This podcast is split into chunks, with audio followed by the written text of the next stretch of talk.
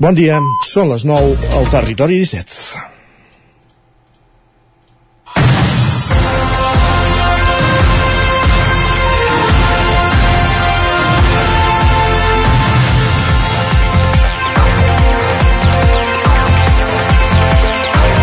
Nou empreses amb seu social a Osona formen part de les 250 que més facturen a la província de Barcelona. Així ho recull l'informe Estructura Empresarial de la Demarcació de Barcelona elaborat per la Diputació amb la col·laboració de l'Ajuntament de Manresa a partir de les dades de facturació de l'any 2021. Osona és també la cinquena comarca de la demarcació en facturació, just per darrere del Barcelonès, el Baix Llobregat, el Vallès Occidental i el Vallès Oriental, i per davant del Maresme, el Bages o l'Alt Penedès, en un rànquing que amb tota lògica tanca el Moianès, i on el Lluçanès encara no hi apareix perquè les dades són d'abans de la creació de la comarca.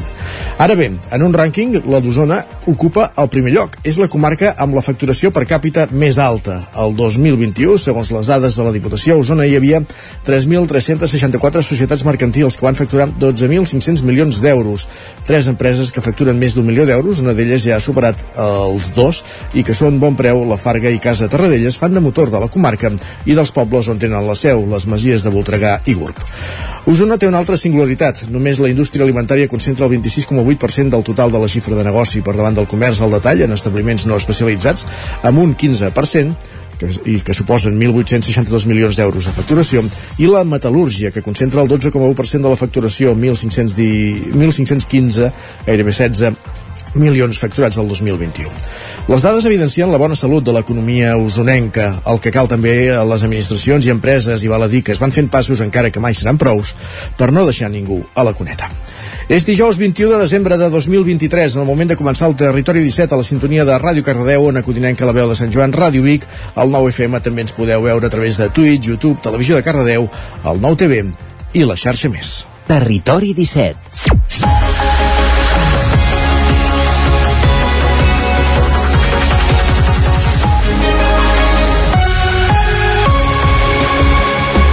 Dos minuts que passen de les 9 del matí d'aquest matí de dijous 21 de desembre de 2023. D'aquí 24 hores ja sentirem la cantarella aquella de, dels nens de Sant Ildefons. Eh, demà en, en farem seguiment del sorteig de la loteria de Nadal aquí al territori 17. Això serà demà a partir de les 9 del matí, però avui, mentrestant, tenim dues hores per endavant de programa des d'ara fins a les 11, com cada matí, en aquest magazín, el magazín de les comarques del Vallès Oriental, l'Osona, el Ripollès, el Moianès i el Lluçanès, que us fa companyia cada matí durant dues hores, de 9 a 11. Avui, de quina manera? Quins continguts? Doncs mireu, en aquesta primera mitja hora ens dedicarem a aprofundir en les notícies més destacades de les nostres comarques, les notícies del territori 17, en connexió amb les diferents emissores que dia a dia fan possible aquest programa i des d'una d'elles també s'hi connecta cada dia en Pep Acosta, el nostre home del temps per repassar meteorològicament el que està durant de si la setmana, què veiem a l'horitzó i el que fa molts dies, mesos, anys que no veiem és pluja, pluja d'aquella que ens convé, que, que sigui eh, abundant i espaiada en el temps que fa molt temps que, que no veiem i, i n'estem patint les conseqüències. En parlem cada dia amb en Pep Acosta i també cada dia després de saludar en Pep Acosta el que fem és anar fins al quiosc per repassar quines són les portades dels diaris del dia. Amb en Sergi Vius des del 9FM a partir de dos quarts de deu com cada dia pujarem el tren a la Trenc d'Alba amb l'Isaac Muntades recollint les cròniques dels oferts usuaris de la línia de tren Barcelona-Granollers Vic Ripoll Puigcerdà. I després de passar per la veu de Sant Joan avui anirem fins a Ràdio Televisió Cardedeu a l'entrevista. I acte seguit tornem al Ripollès per la connexió. Sortim a l'exterior l'Isaac Muntades es desplaça fins a les Llosses. Esperem tenir cobertura per poder fer la connexió, perquè precisament parlarem de, de cobertura, dels problemes de cobertura que pateixen en aquest poble del Ripollès, però també en d'altres de, de l'entorn del Berguedà, com poden ser Borredà, Sant Jaume de Frontanyà, o el Pens mateix, que de fet és on hi ha el terme municipal d'aquest repetidor i que sovint fa, fa guits als usuaris d'aquestes poblacions. A les 10, més informació, la previsió del temps i a partir d'un quart d'onze serà moment d'endinsar-nos a la cuina. Avui a la Foc Lent, en Roger Rams es desplaça fins a la pastisseria que tot de Monistrot de Calders per parlar de torrons, com no podria ser d'altra manera, i per acabar el programa avui, com cada dijous, primer passant per X, per Twitter, que per cert, aquesta nit ha caigut la xarxa, esperem que en Guillem Sánchez pugui recuperar algunes piolades i acte seguit el que farem serà com cada dijous parlar de cinema amb en Joan Garcia i en Gerard Fosses repassant les novetats de la cartellera, les estrenes de la setmana i les programacions dels cinemes de, de casa nostra per acabar el programa amb alguna recomanació de sèries que com cada setmana ens fa l'Isaac Montades. I ara, quan passen 5 minuts de les 9 del matí, és moment de començar a servir tot això que us hem avançat passat, moment de posar-nos en dansa amb les notícies més destacades de les nostres comarques, les notícies del territori 17, que no són altres que les notícies del Vallès Oriental, Osona, el Ripollès, el Moianès i el Lluçanès. Territori 17.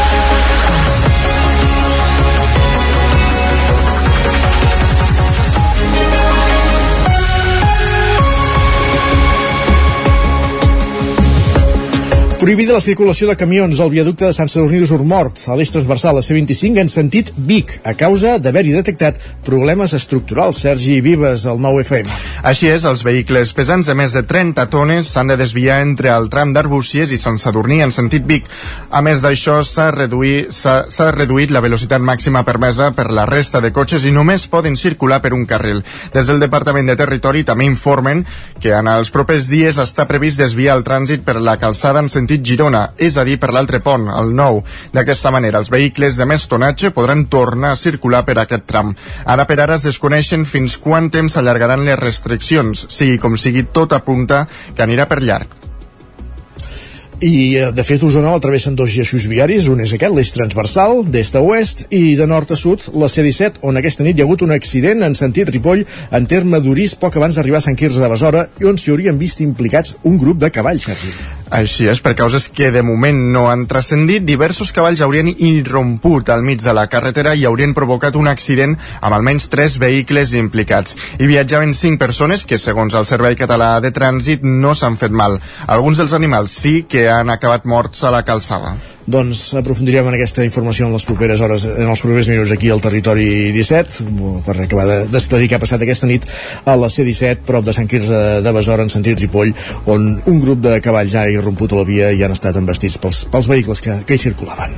Encara a Osona, Centelles ha inaugurat el primer parc solar fotovoltaic municipal que de la província de Barcelona, una instal·lació que també és pionera a Catalunya. L'alcalde de Centelles, Josep Parell, el diputat d'Acció Climàtica i Transició Energètica de la Diputació de Barcelona, Marc Serra, encenien simbòlicament l'interruptor de posada en marxa del Parc Solar Fotovoltaic Municipal de Centelles. Ubicat al polígon de la Gavarra, el parc compta amb més de 2.000 plaques i es preveu que generi un megawatt d'energia. La posada en marxa està prevista pel mes de gener, quan l'existència del parc ja s'hauria de notar en una reducció de la factura dels clients de l'Electra, amb una reducció estimada d'uns 25 euros anuals.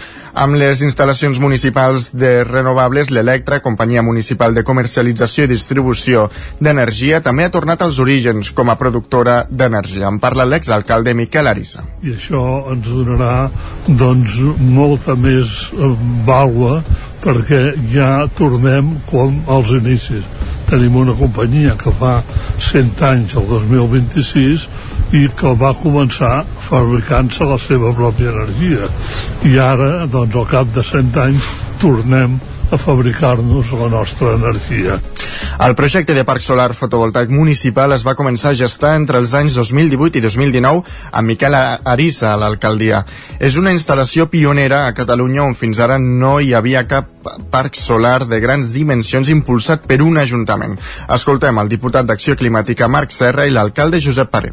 Els municipis no han de renunciar a desenvolupar una política d'energia, sinó que han de, tenir, han de tenir un paper amb infraestructura pròpia i fent arribar doncs, els beneficis d'aquest tipus d'instal·lacions al conjunt de la, de la ciutadania. Però el cert és que Centelles ha obert un camí molt important que podran transitar doncs, molts altres municipis de tota la demarcació de Barcelona i del conjunt del país i que ens sembla doncs, que si des de l'administració local, des de l'administració provincial i en definitiva des de les administracions els ciutadans i ciutadanes veuen que generem projectes, doncs ells també ho veuen molt més proper i tenen molta més confiança per apostar per iniciatives d'aquestes.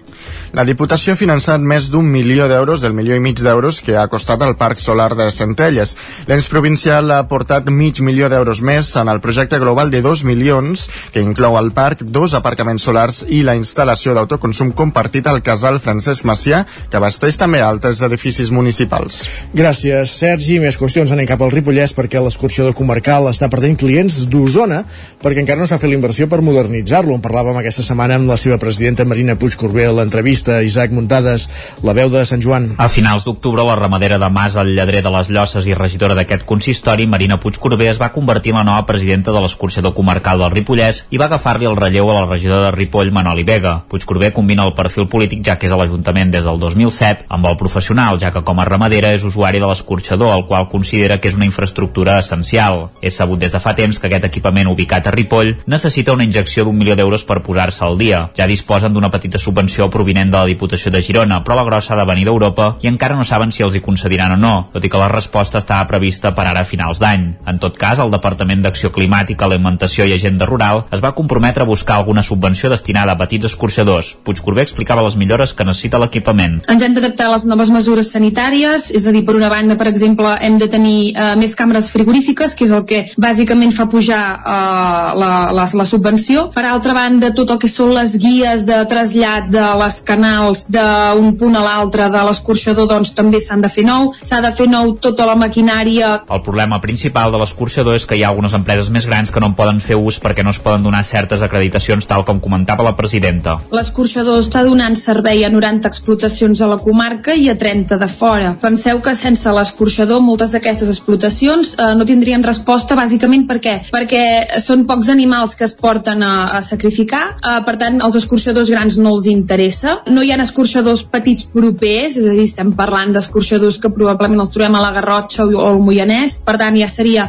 una despesa en desplaçament totalment innecessària i moltes d'aquestes explotacions es veurien abocades al tancament si no hi hagués la, aquest escorxador. Puigcorbé apuntava que han perdut clients del Bisaure i el Lluçanès, ja que el preu també és més alt que en altres escorxadors propers. L'escorxador comarcal del Ripollès és multiespècie i s'hi mata sobretot xai i vedell, però també cabrit, cavall i alguns porcs. Ara mateix hi treballen dues persones de forma directa que són l'encarregat de la neteja i el matador, i quatre de forma indirecta que els aporta l'Agència de Desenvolupament del Ripollès. A finals d'enguany està previst que es formalitzi l'entrada d'alguns dels ajuntaments que hi entren a formar part com a socis. Puigcorbé també va dir que cal ajudar a mantenir l'escorxador de Camprodon. Gràcies, Isaac. A més qüestions anem cap al Vallès Oriental perquè hi ha hagut una acció de la CUP de Cardedeu que pretén posar el focus en la gestió pública i democràtica de l'aigua. Enric Rubio, Ràdio Televisió Cardedeu. Així és, Isaac, i per acompanyar l'acció, dimecres 13 de desembre feien una roda de premsa amb les tres regidores de la CUP a l'Ajuntament de Cardedeu, Blai Taverner, Mercè Falguera i Mico Planterrose. Davant de la situació d'emergència climàtica, des de la CUP demanen un canvi de paradigma i una reflexió com a societat buscant una alternativa amb petites accions. Ho explicava Blai Taverner ja no només és una possibilitat, sinó que és del tot inevitable. Però perquè aquest decreixement econòmic serveixi a les classes populars d'aquí i d'arreu del món, és absolutament necessari que estigui planificat i que estigui planificat precisament per aquestes persones, les persones corrents, la classe treballadora. I això, a Cardedeu, passa perquè la gent pugui tenir el control de tot allò que és necessari per viure, com és el cas de l'aigua. La gestió de l'aigua a Cardedeu actualment està en mans de l'empresa privada Aguas Potables i Mejores de Cardedeu S.A., una concessió que acabarà el 2026. Mercè Falguera ho exposava així s'obre una oportunitat històrica perquè les veïnes de Cardedeu recuperem el control d'un bé comú, que mai hauria d'haver-se posat en mans privades. Dit d'una altra manera, tenim l'oportunitat de recuperar un dret essencial, com l'aigua, i de fer-ho per tal que tothom pugui accedir-hi, i per tal que aquest bé escàs es gestioni amb criteris ecològics que en garanteixin la pervivència. Des de la CUP, Nico Planterrose assegura que, farà, que faran tota la pressió que calgui per municipalitzar, per municipalitzar l'aigua i que ho faran en tota l'oposició junta. Perquè sabem que aquesta qüestió fonamental ens uneix. Sense anar més enllà, aquest mes de desembre el govern aprovarà el pressupost del 2024 i una de les exigències que hem posat sobre la taula és que es destinin recursos necessaris a iniciar els treballs per la municipalització de l'aigua al municipi. A hores d'ara no n'hem obtingut cap resposta. Cardedeu ja forma part de l'Associació de Municipis i Entitats de l'Aigua publicada des de 2018 i seguirà aquest camí. Més qüestions, encara al Vallès Oriental, Caldes de Montbui ha aconseguit la medalla d'honor de la vila el fotògraf Ramon Masats i Tartera, Roger Ram, zona codinenca. Sí, aquesta és la màxima distinció que el consistori entrega i és el segon cop a la història del municipi que hi té lloc. L'acte d'entrega s'ha fet aquest dimarts al vespre amb una sala de plens plena de gom a gom. El delicat estat de salut de Masats, els seus 92 anys i el fet que actualment resideix a Madrid no han permès que assistís a l'acte. En el seu lloc, la germana, la filla i l'esposa del fotògraf han estat les encarregades de recollir la medalla. En el seu discurs, l'alcalde de Caldes, Isidre Pineda, va apuntar que el fet d'entregar aquest reconeixement a Ramon Masats s'ha acordat amb diversos sectors artístics, polítics i socials del municipi. L'escoltem. Celebrem la culminació d'una inquietud compartida per diferents veus del sector polític, social i artístic vinculats a Caldes de Montbui. Escoltats tots aquests eh, sectors, es va configurar la voluntat de concedir els honors que li pertoquen a una persona nascuda a Caldes de Montbui, que ha acumulat mèrits suficients per guanyar-se un lloc de prestigi internacional i per la qual és just, important i necessari aquest reconeixement local des de Caldes de Montbui. La proposta inicial de fer aquest reconeixement a Masats té el seu origen en una petició del Partit Socialista de Caldes que va ser aprovada per unanimitat en el ple del passat mes de novembre. La portaveu socialista Carla Millán es mostrava satisfeta de que finalment s'hagi fet aquest homenatge. Ser la instructora d'aquesta medalla d'honor doncs, va ser el primer dels honors. Des del grup socialista en el seu moment es va proposar una moció amb tota la voluntat de que al final de que la nostra vila reconegués el que per nosaltres és un dels millors artistes que ha donat naixement a Caldes de Montbui, que és Ramon Massats. No? Vam descobrir, gairebé de casualitat, no mentirem, que els orígens de Massats eren al nostre municipi. El dia que ens vam adonar compte de que la signatura posava Caldes de Montbui, jo crec que se'ns va omplir una mica més el pit d'orgull i vam decidir que era el moment de que la seva vila, el seu origen, i allà on s'hi ha nascut i on la seva família hi, hi resideix, i on sempre ha estat orgullós perquè sempre ha signat com a calderí, li rendís l'homenatge que es mereix. Com dèiem, aquesta ha estat la segona medalla d'honor de la vila que s'ha entregat mai a la història de Caldes de Montbui. La primera va ser l'any 2018 a l'aleshores conseller d'Exterior Raül Romeva, qui ha estat 13 anys veí del municipi.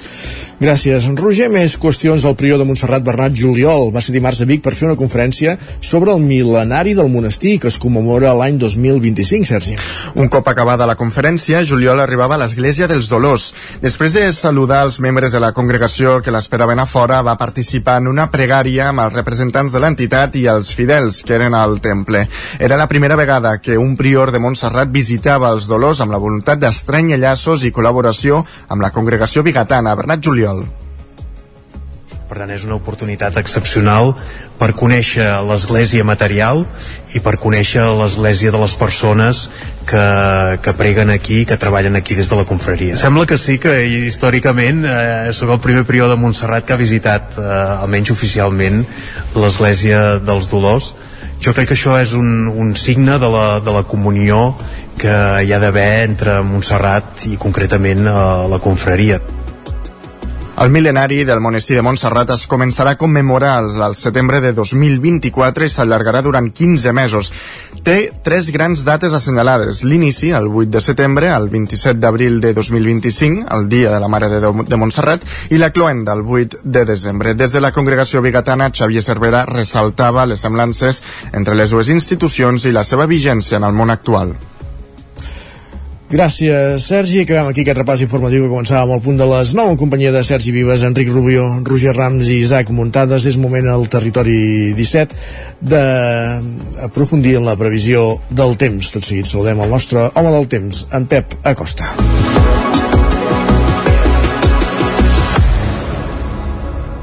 Per tant, tornem cap a una codinenca.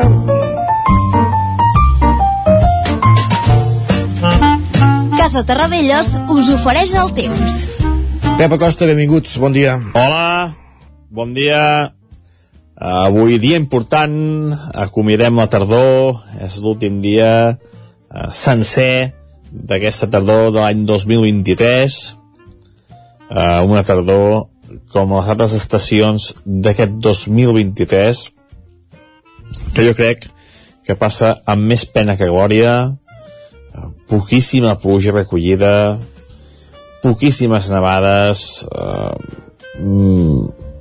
cap onada d'aire fred, en definitiva, eh, una tardor anòmala, una tardor que no, entre cometes, no ens la mereixíem, no ens la mereixíem, no, no volíem aquesta tardor i no ens la mereixíem. No era no era el que tocava, no era el que es volia uh, molt, molt malament. Uh, fatal, fatal, fatal. Una tardor realment uh, molt, molt dolenta molt dolenta en tots els sentits.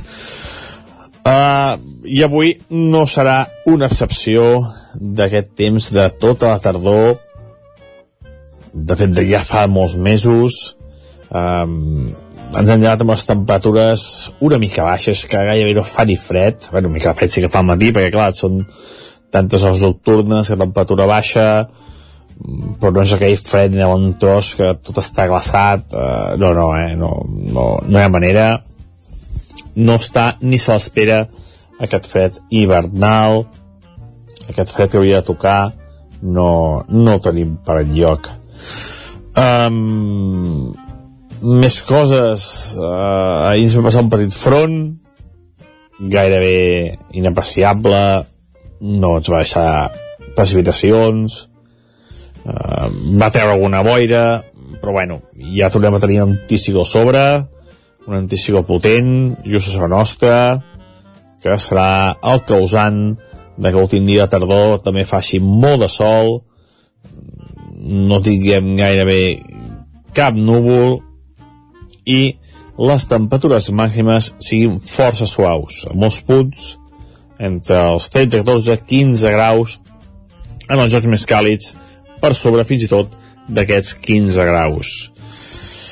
I de cara als pocs dies de cara a l'inici de l'hivern no es preveuen canvis no es veuen canvis per enlloc eh, tot el contrari molta suavitat, molt de sol temperatures encara una mica més altes i cap, cap precipitació a l'horitzó meteorològic. Un panorama realment molt decebedor. Ens escoltem demà, que ja faré la previsió per, uh, per Nadal, perquè Nadal que el tenim ja aquí a tocar, uh, els primers dies d'hivern, però bueno, ja avanço això, eh, que serà uh, realment uns mapes uh, que no motiven gens i que són molt, molt dolents a curt i mig termini. Moltes gràcies, adeu. Gràcies, Pep. Fins després. Tarradellas us ha ofert aquest espai. I ara és moment d'anar cap al quiosc.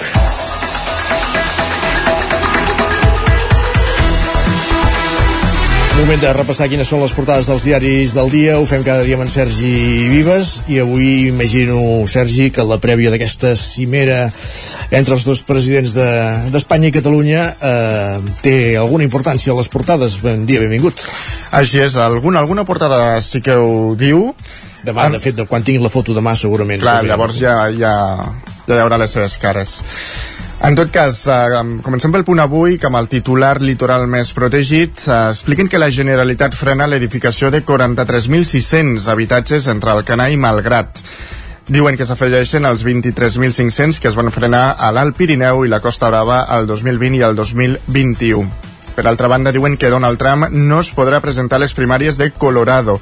Expliquen que la sentència marca el camí per al Suprem d'altres estats, però s'hi pot recórrer.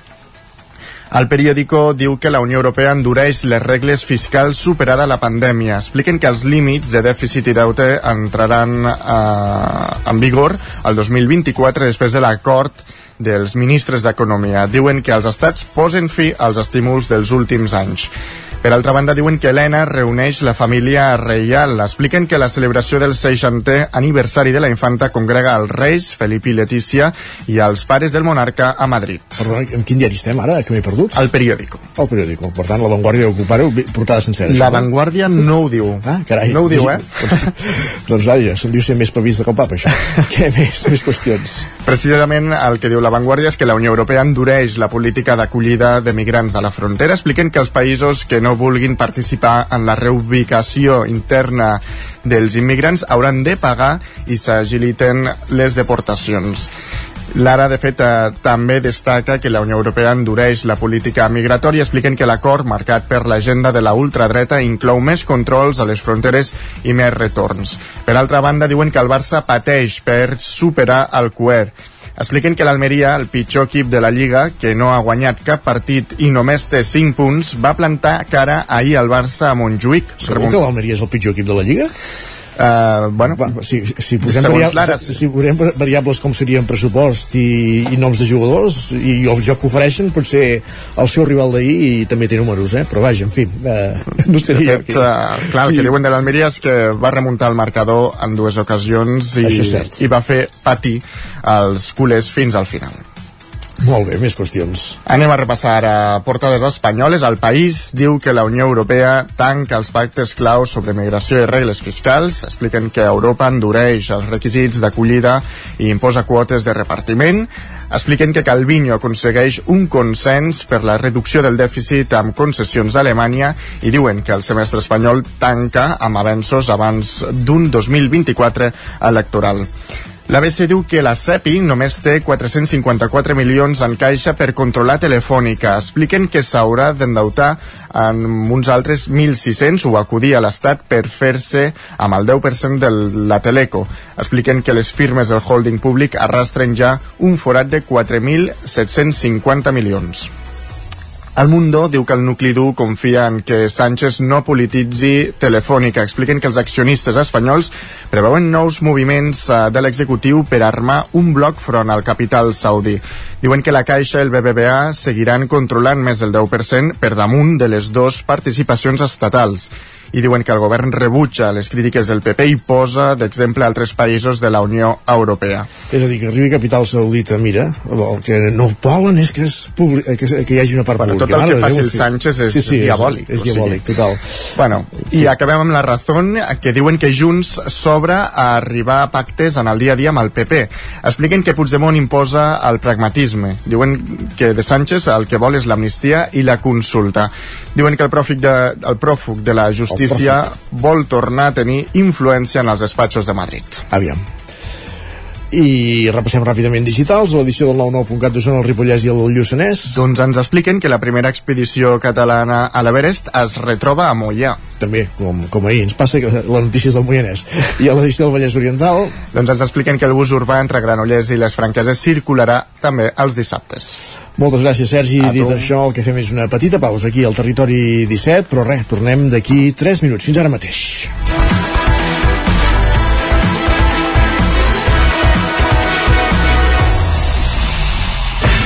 El nou FM, la ràdio de casa, al 92.8. Per a qui seria perfecte aquest piano de juguetos? Per a nens que donin la nota.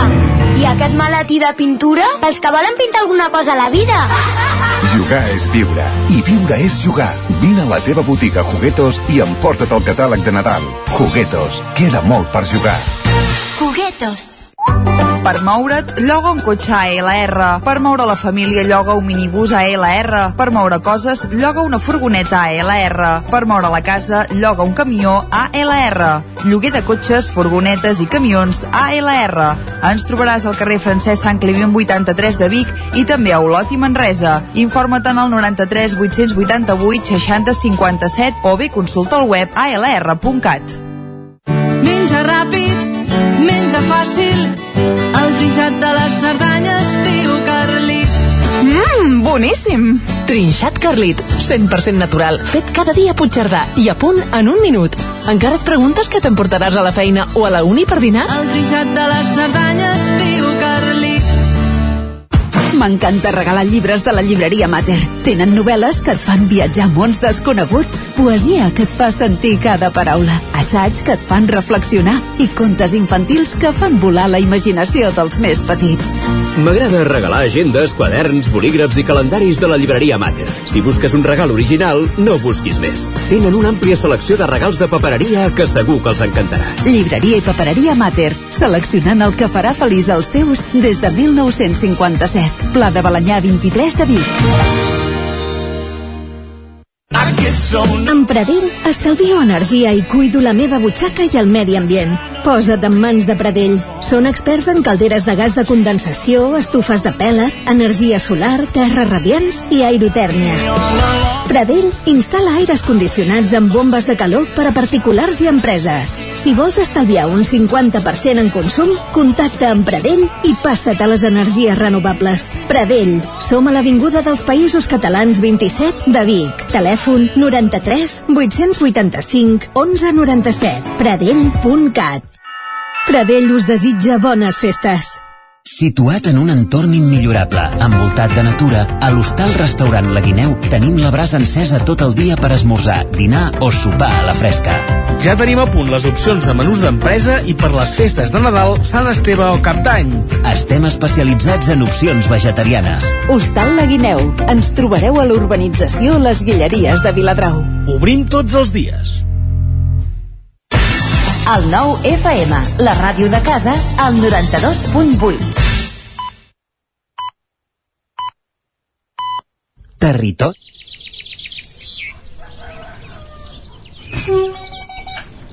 A Tren d'Alba. Cada dia els usuaris i usuàries de la línia R3 de Rodalies que veuen sortir el sol des d'un vagó ens expliquen les gràcies i les penes del primer comboi que uneix Ripoll i Barcelona o les feixugues jornades amb el tren després de treballar.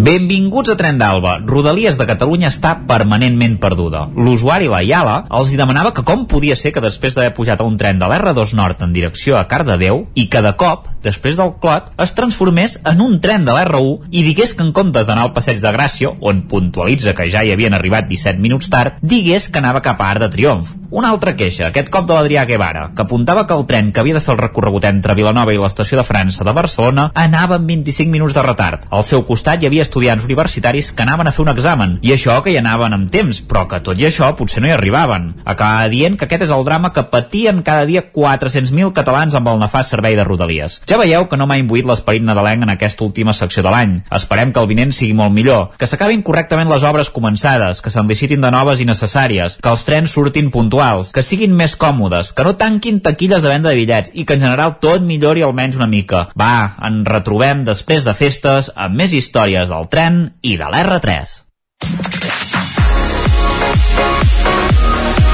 Territori 17. Un minut i mig que passen de dos quarts de 10 del matí.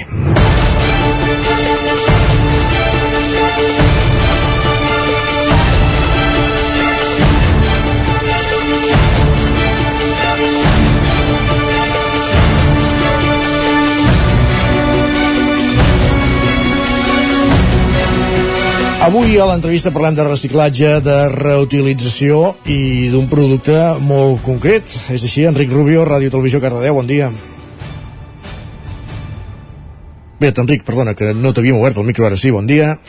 Epa, bon dia de nou. Pensava que havia estat jo pel costum ja. No, no, era jo aquest cop. Uh, doncs bon dia de nou, Isaac. No sé quin nom tindrà finalment l'època en la que estem vivint, quan la vegin en perspectiva d'aquí uns segles, però el que està clar, l'anomenin així o no, és que estem immersos en l'època dels residus. Uh, totes les edats en generem, i aquests són de totes les tipologies més inimaginables, però si alguna cosa estan d'acord tots aquells que intenten no utilitzar productes d'un sol ús i reutilitzar tot el que és possible, és que la franja d'edat més complexa per poder actuar d'una manera sostenible vers aquest tema és l'infantesa, i concretament els primers mesos de, de vida. Roba que s'utilitzarà només unes escasses setmanes, sabates en miniatura per nadons que no caminen, cotxets amb frens de discs hidràulics amb obsolescència programada eh, i més que les bombetes dels arbres de Nadal, o pastissos de bolquers per regalar als cofolls pares del nounat. Tot això eh, hem de dir que, tot i tenir una curta trajectòria a les nostres vides, podem regalar-ho o revendre-ho, perquè vagi tenint diverses vides curtes a altres llars. Però els bolquers els bolquers és el tema. En gastem molts, són del tot antiecològics. La majoria de les nostres oients pensarà que resignar-se és l'única opció, però no és així. I per això avui tenim amb nosaltres a l'estudi de Ràdio Televisió Cardedeu en directe pel Territori 17 a l'Anna Bernabeu, de Colets de Tela. I només pel nom crec que podeu endevinar sense gaires problemes de què parlarem avui. Bon dia, Anna. Primer de tot, gràcies per estar aquí avui entre nosaltres en el que és l'inici de les teves vacances, si no tinc mal entès. Oi que sí? Com estàs? Sí, sí, començo, començo vacances de Nadal. I tant, doncs mira, felicitats per començar. En primer lloc, i encara que moltes ja ho imaginin pel nom que hem esmentat fa uns moments, què és Colets de Tela? Bueno, Colets de Tela és uh, una empresa que es dedica bàsicament a vendre i assessorar uh, l'ús dels bolquers de tela, una alternativa als bolquers d'un sol ús. I com neix, Anna, aquesta iniciativa o necessitat de crear aquest projecte?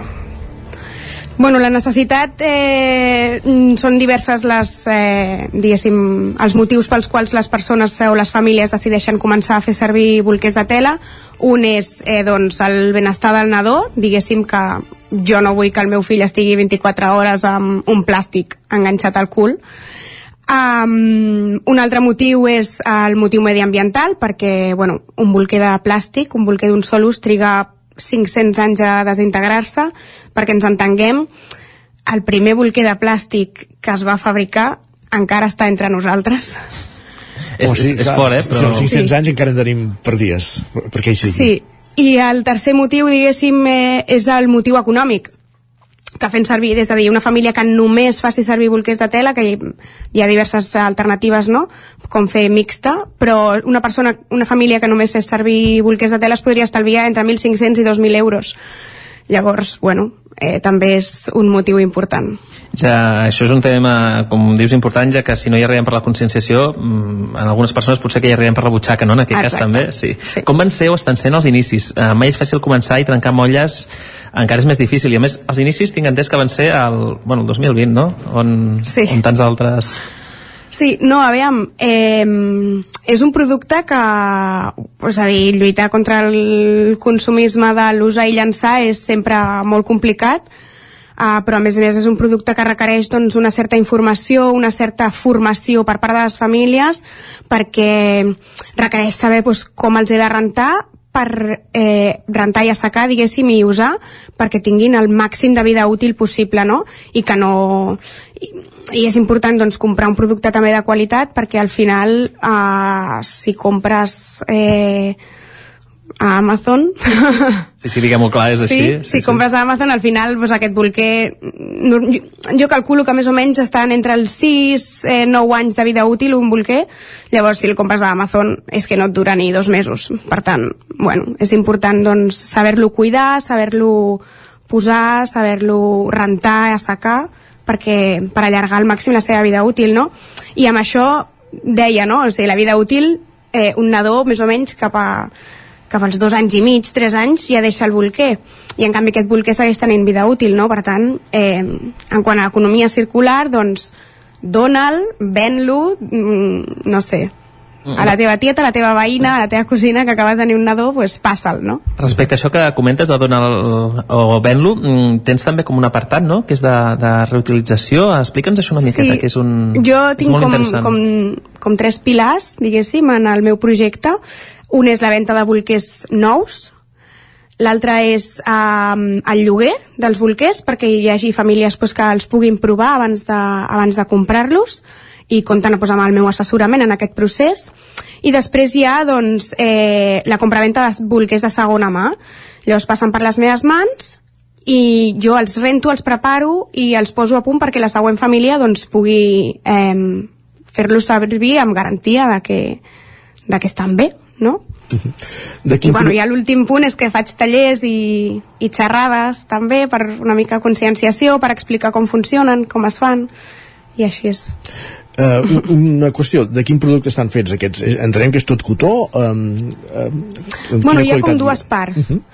Té com dues parts el bolquer. La part eh, cobertora, que és la part exterior, que sí que està feta com d'un laminat, eh, que és un aliatge entre un cotó i, i un plàstic, que es fona amb, amb, amb, amb escalfor, i després sí que la part de dintre, que és la que està en contacte amb, el, amb la pell dels nostres nadons, aquesta part és la que està feta de, de, de productes eh, naturals, doncs cotós, bambús, cànyams, um, bueno, sí que és veritat que n'hi ha algun que està fet amb fibres sintètiques com pot ser el, uh, la microfibra perquè té una absorbència molt forta, però en general són productes naturals que, que no fan mal a la pell, perquè estem com molt conscienciades les dones sobretot, no?, en començar a deixar de fer servir les compreses d'un sol ús perquè s'ha demostrat que, que Estem fan mal a la pell. Sí, estem parlant és, és tornar, tornar als orígens, eh, com sempre. O sigui, Exacte. hem tingut un repunt amb altres materials, però, vaja, mm, estem tornant al que s'havia fet sempre, no?, a la tela, en aquest cas. Exacte, la tela.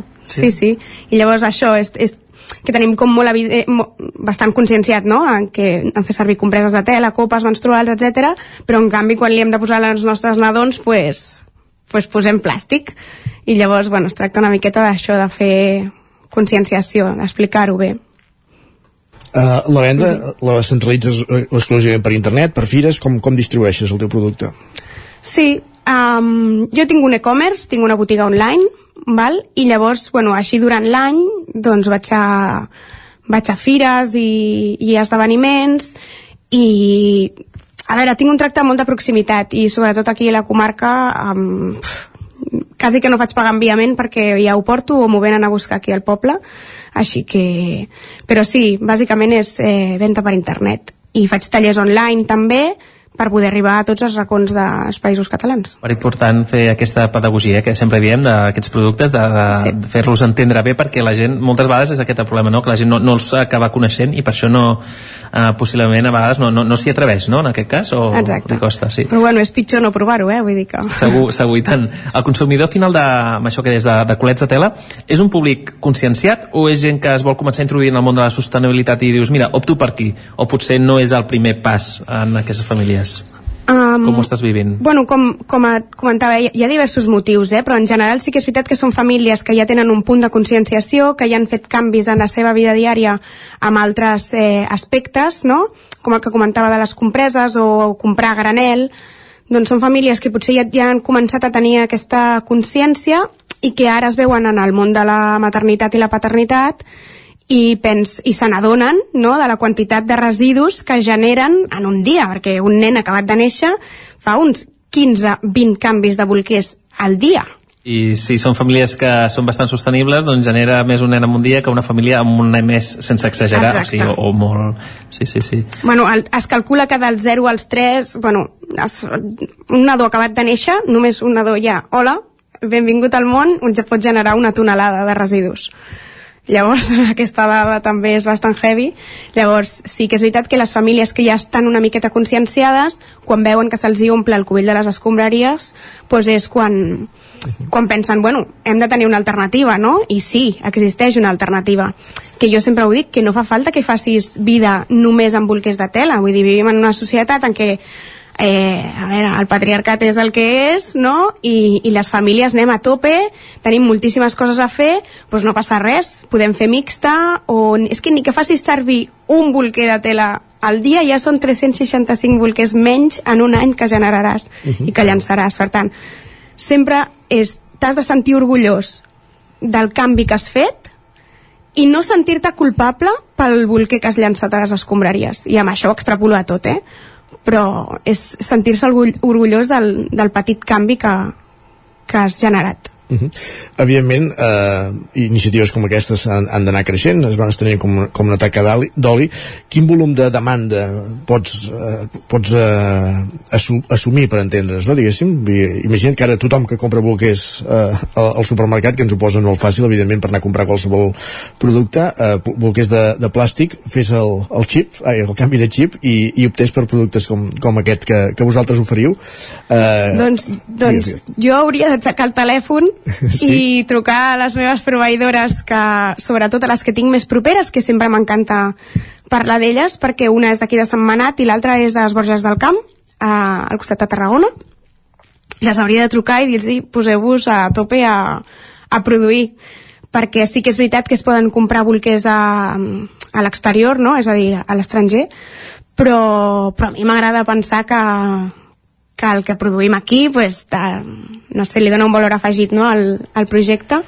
I bueno, si tothom es posés en marxa pues jo, jo me n'aniria on fes falta a portar-los No, i, i eh, l'altre tema que sempre surt al tòpic, diguéssim, clar, evidentment, si una cosa la reutilitzes, i abans quan has parlat dels números de, de, bolque, de la quantitat de bolquers o de, de tones que, que s'arriben a, a generar, eh, evidentment, sempre eh, la manera fàcil de convèncer, diguem fàcil entre cometes, és la- l'econòmica, la, butxaca.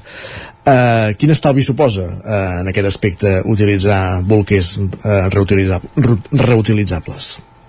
O sigui, hi ha moltes persones que, que em parlen sobre això i sempre em posen, um, ara que està tan, tan al, damunt de la taula el tema de l'aigua, um, hi ha un tema que és que tu vas a gastes eh, benzina anant a comprar els bolquers d'un sol ús i això ja és una primera despesa que tu tens.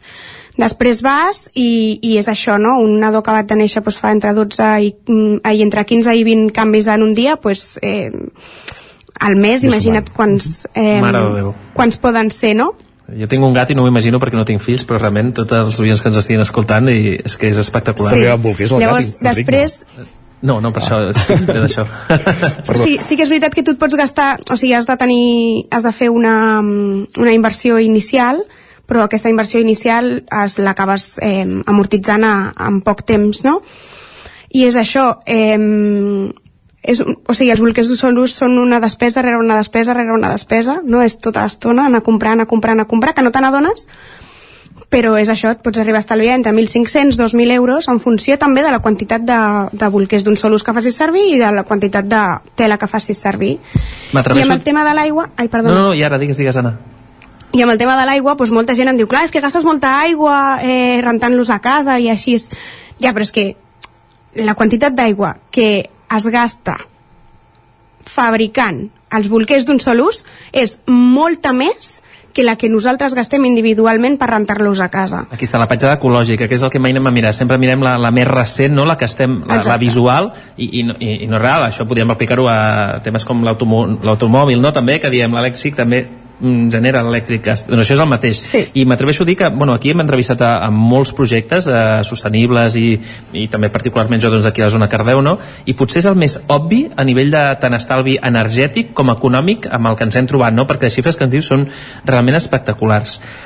Jo m'he trobat, la veritat, que, que hi ha pocs estudis que puguin demostrar el que, el que jo estic dient, però sí que Les famílies cada dia ho mamen, clar. la, les famílies ho fan i a més a més bueno, rascant una mica no? així a nivells a, a nivell eh, americà hi ha mm, bueno, algú que sí que s'ha dignat a fer algun estudi sobre això però al final queda com ambigu no, no, no acaben de, de dir si, si realment és un estalvi a nivell mediambiental i a nivell econòmic no, i evidentment ja per la salut del nostre nadó i això ja és, vull dir, no, no es pot quantificar diguéssim Potser hi ha, bueno, també és possible que hi hagi certs interessos també, és un Sí.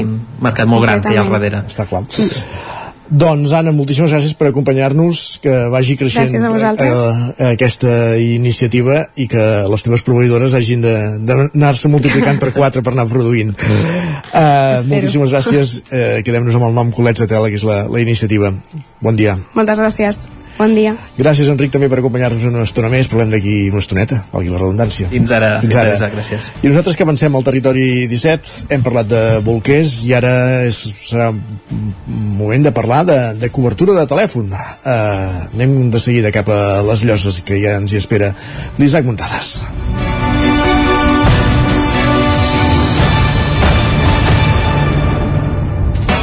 Territori 17. Dos minuts que passen de tres quarts de 10 del matí.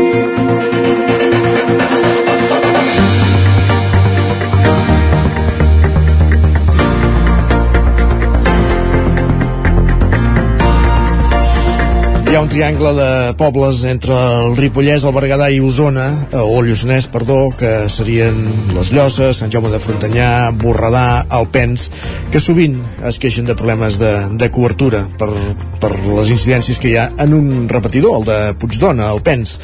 I fins a les Llosses, per parlar amb el seu alcalde, s'ha desplaçat l'Isaac Muntades, des de la veu de Sant Joan. Isaac, benvingut, bon dia.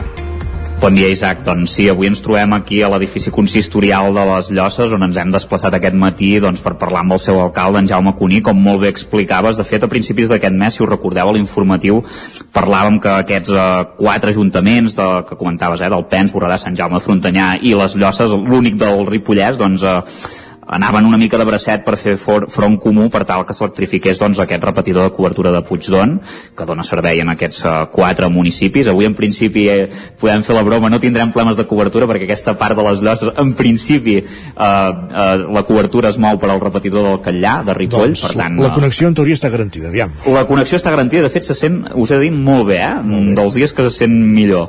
Per tant, eh, és curiós, però bueno, l'altra part de les hores sí que tenen més problemes. Eh, res, eh, saludem el seu alcalde, en Jaume Cuní, bon dia i moltes gràcies per ser al territori 17 amb nosaltres. Hola, bon dia, gràcies per ser aquí. Uh, Jaume, primer de tot, alcalde, anem a fer memòria als nostres oients. Aquest repetidor és antic, quan s'instal·la i qui l'instal·la? D'on ve tot plegat? Aquest repetidor l'instal·la Telefònica l'any 93 Uh, pel que m'expliquen les companyes que estaven aquí ja a l'administració en el moment en què uh, se sap que el govern de, de, Josep Maria, de José María Aznar ja anava a governar van dir, escolta'm, tot això es privatitzarà de Telefònica, per tant si voleu aquí el repetidor, afanyem-nos a fer-ho. El van fer i no van tenir temps o diners d'electrificar però en aquells moments, com feien un repetidor, la rectificaven. Eh, llavors, el 93, tot això es va ja amb el govern de l'ESNAC, no sé ben bé quin any es va privatitzar del tot, amb un període de carència per algunes coses, i el repetidor va quedar, doncs així, eh, funcionant amb un grup electrogen, és a dir, amb gasoil.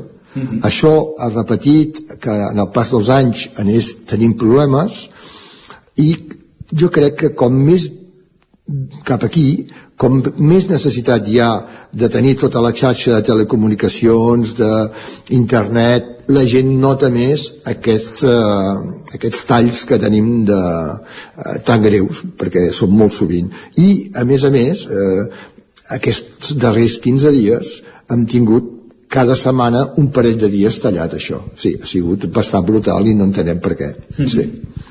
El problema entenem que, que és aquest, que, que no està electrificat, per tant que va amb un generador d'energia i que quan s'acaba el, el gasoil o, o el combustible que, amb el que vagi doncs que es queda sense, sense funcionar. Quina part de les llosses cobreix el cal aquest repetidor? Això cobreix una mica tota la meitat eh, que seria conca hidrogràfica de, del Llobregat. És dir, les lloses, que sabeu que té 114 quilòmetres quadrats, és molt extens, doncs, a partir del Pla de Capdevila, eh, allà eh, parteix la conca hidrogràfica del Llobregat i la del Ter cap al cantó de Ripoll.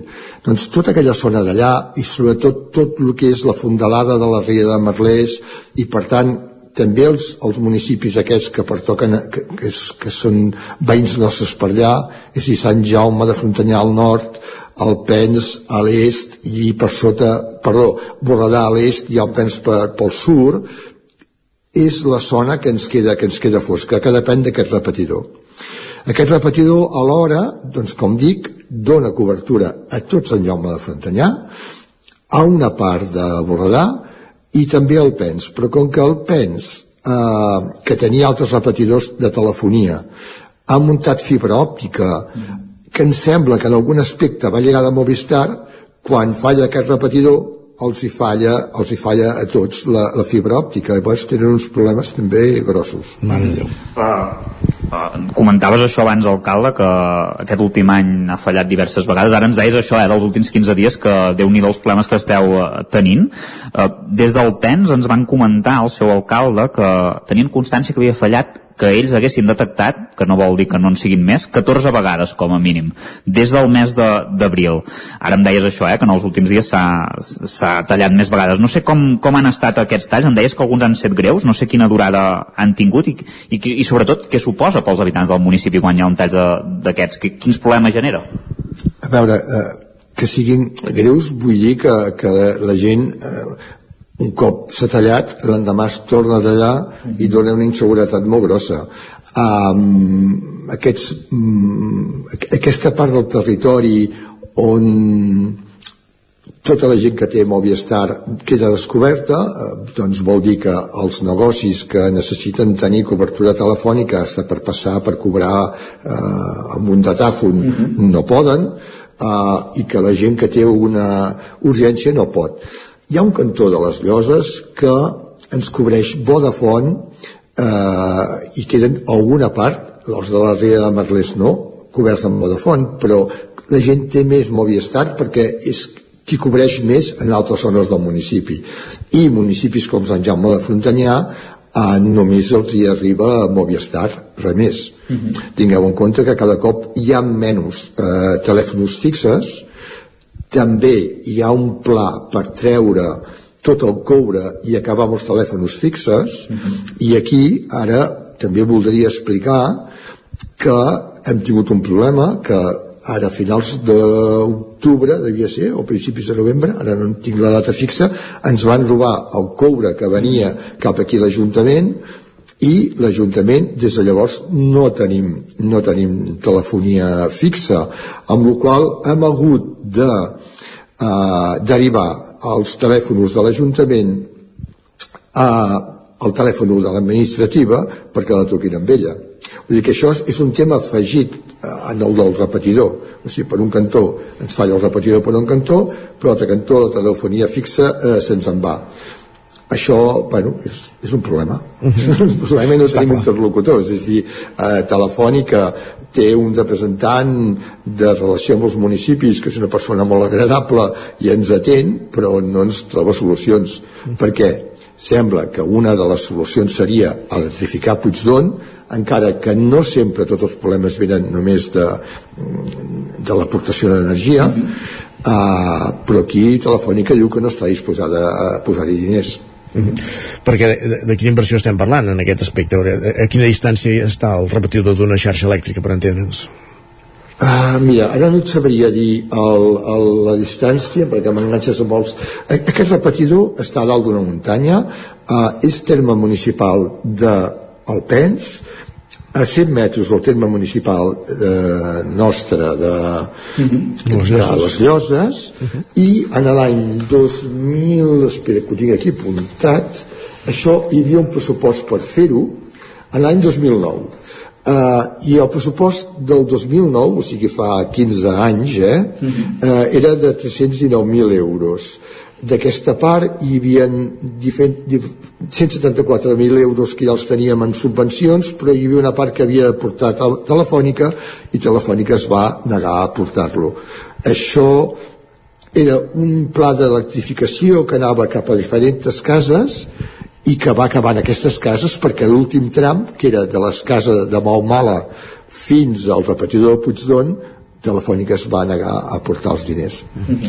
Ara, últimament, uh, us heu reunit amb Telefònica. Em consta que us heu reunit, em sembla que un parell de vegades, si més no. Un, fa poc realment n'hi va haver una, un mes, segurament, ni, ni això.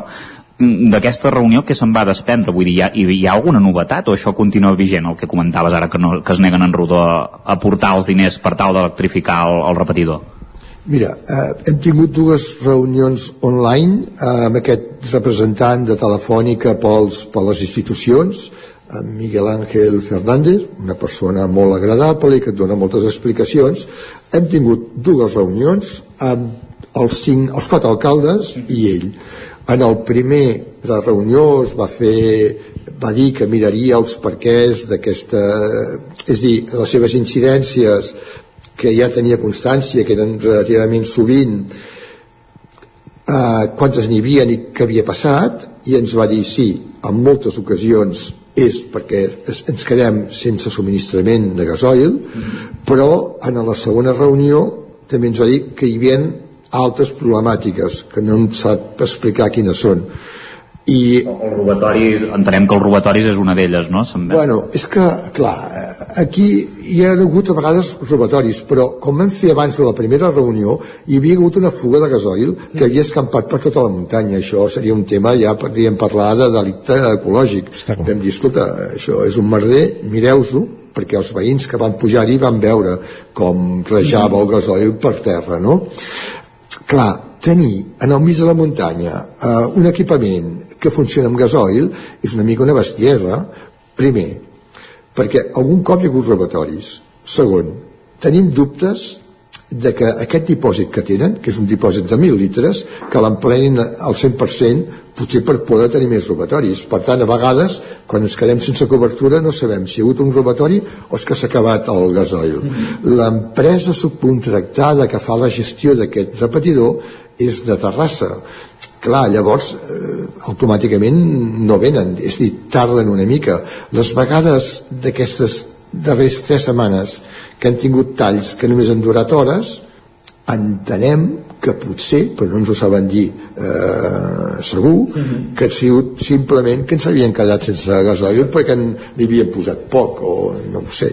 Hem de tenir en compte també que el camí que puja aquí dalt, eh, evidentment el repetidor de Puigdon està eh, al, al pic del cim de Puigdon, Uh, és una carretera que vam arreglar l'any 2018 pagant els quatre ajuntaments per poder accedir-hi més bé hi havia una tanca que algú es va carregar i els sistemes de seguretat per impedir els robatoris són uh, molt precaris. És un cangau d'aquests que tu que han atraventant la gent no? Mm -hmm però clar, tornem a estar el peix que es mossega la cua, posar-hi càmeres o qualsevol història, també depèn de la connexió a internet i, i, i, i, i la que s'apaga s'apaga la informació també exactament, exactament. Però guaita, aquí hi ha un tema que, que hem estat eh, doncs, eh, parlant amb mitjans eh, de comunicació com vosaltres s'han posat en contacte amb nosaltres diferents grups polítics i ens explicaven que l'agenda rural eh, que és una cosa aprovada per tot Catalunya eh, parla de la necessitat de territori connectat i de cobrir tot el territori amb cobertura mòbil i, i xarxa d'internet de qualitat. Eh, és clar, eh, això aquí no es dona no es dona quan ens venen els tècnics, perquè ara també ens diuen que ens passarà la fibra òptica, tot i que la fibra ens passarà només per la carretera i tots els masos que estan doncs, en aquest territori immens. Jaume Cuní, alcalde de Les Llosses, gràcies per atendre'ns aquest matí aquí al Territori 17 i sort amb aquesta empresa que fa anys amb la que batalleu per, per, per mantenir aquest servei de, de telefonia i a veure si apareixen si més no alternatives per, per poder garantir el que deia ara, el que dèieu ara, la, la connexió del món rural, perquè si, si es vol treballar des del món rural també s'ha de fer amb garanties i amb, i amb connexió 24-7 com arreu del territori. Moltíssimes gràcies. Moltíssimes gràcies a vosaltres per fer-vos ressò d'aquests problemes. Gràcies. Gràcies també, Isaac, un matí més per acompanyar-nos parlant d'aquí una estoneta. Fins d'aquí una estona. Adéu. Adéu-siau. I nosaltres que avancem al territori 17, ara quan passa un minut i mig del punt de les 9 de, de les 10 del matí, serà moment d'actualitzar-nos.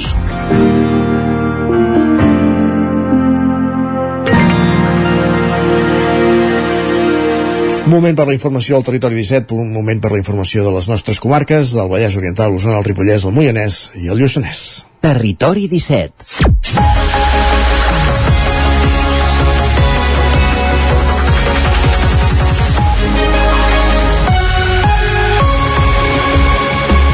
Notícia luctuosa que hem conegut els últims minuts. El poeta Anton Carrera de Sant Julià de Vilatorta ha mort aquesta nit als 80 anys degut a una aturada cardiorrespiratòria després d'haver estat sotmès a una intervenció quirúrgica. Sergi Vives, al 9FM. Així és, Carrera era autor d'una quinzena de llibres de poesia, el darrer dels quals era Aiguaneix, publicat l'any 2020. Llicenciat en Filologia Catalana i en Belles Arts per la Universitat de Barcelona, es va dedicar a la docència com a professor d'institut que compaginava amb la creació creació literària i la, i la difusió d'aquesta com a rapsode. L'any 1991 va debutar en poesia amb Temps d'Or, al mateix temps eh, que era proclamat mestre en gai saber als, llocs, als Jocs Florals de Barcelona. De la seva producció més recent destaca també el recull recé amb poemes dedicats a cada un dels capitells del claustre del monestir de l'Estany. El passat mes d'octubre havia rebut un homenatge al costat d'altres autors catalans d'entre 80 i 90 anys, els sèniors literaris Paris, organitzat pel Departament de Cultura i la Institució de les Lletres Catalanes. Doncs ens fem ressò d'aquesta malaurada notícia, la mort del poeta Anton Carrera, precisament divendres de la setmana passada, Teresa Saborit, eh, li dedicava un article a les pàgines de, del 9-9, que qui no l'hagi llegit, doncs convidem a recuperar-lo per, per reconèixer més a fons la, la figura d'Anton Carrera, com deia, mort aquesta nit als 80 anys. Més qüestions. La Diputació de Barcelona ha presentat l'informe anual que analitza l'estructura empresarial que té la demarcació. Les dades constaten que la facturació del 2021 va recuperar els nivells prepandèmics en gairebé 300.000 milions a tota la demarcació. I si posem el focus a Osona, els números també destaquen, Sergi. Així és, sense sorpreses. L'estudi estableix que la principal activitat econòmica a Osona, amb un 26,8%, és la indústria alimentària, un sector que l'any 2021 va facturar 3.347 milions d'euros euros del total de la xifra de negoci. Casa Terradellas amb 1.070 milions d'euros, Costa Futmit amb 372 i Patel amb 338 se situen al top 10 d'empreses de la comarca que més van facturar. Vicky Gurb, juntament amb les Masies de Voltregà, on hi ha les seus de Bonpreu i la Farga, són els tres municipis d'Osona que concentren major volum de negoci. L'any 2021 s'hi van facturar 12.500 milions, dues terceres parts del total que generen les 3.364 societats mercantils que llavors hi havia registrades a la comarca. La presidenta de l'àrea de desenvolupament econòmic de la Diputació, Eva Menor, destaca les iniciatives de la institució per la recuperació econòmica. Per territoris, Barcelona plega el 34% de la facturació provincial, seguida de l'Hospitalet de Llobregat i de Martorell.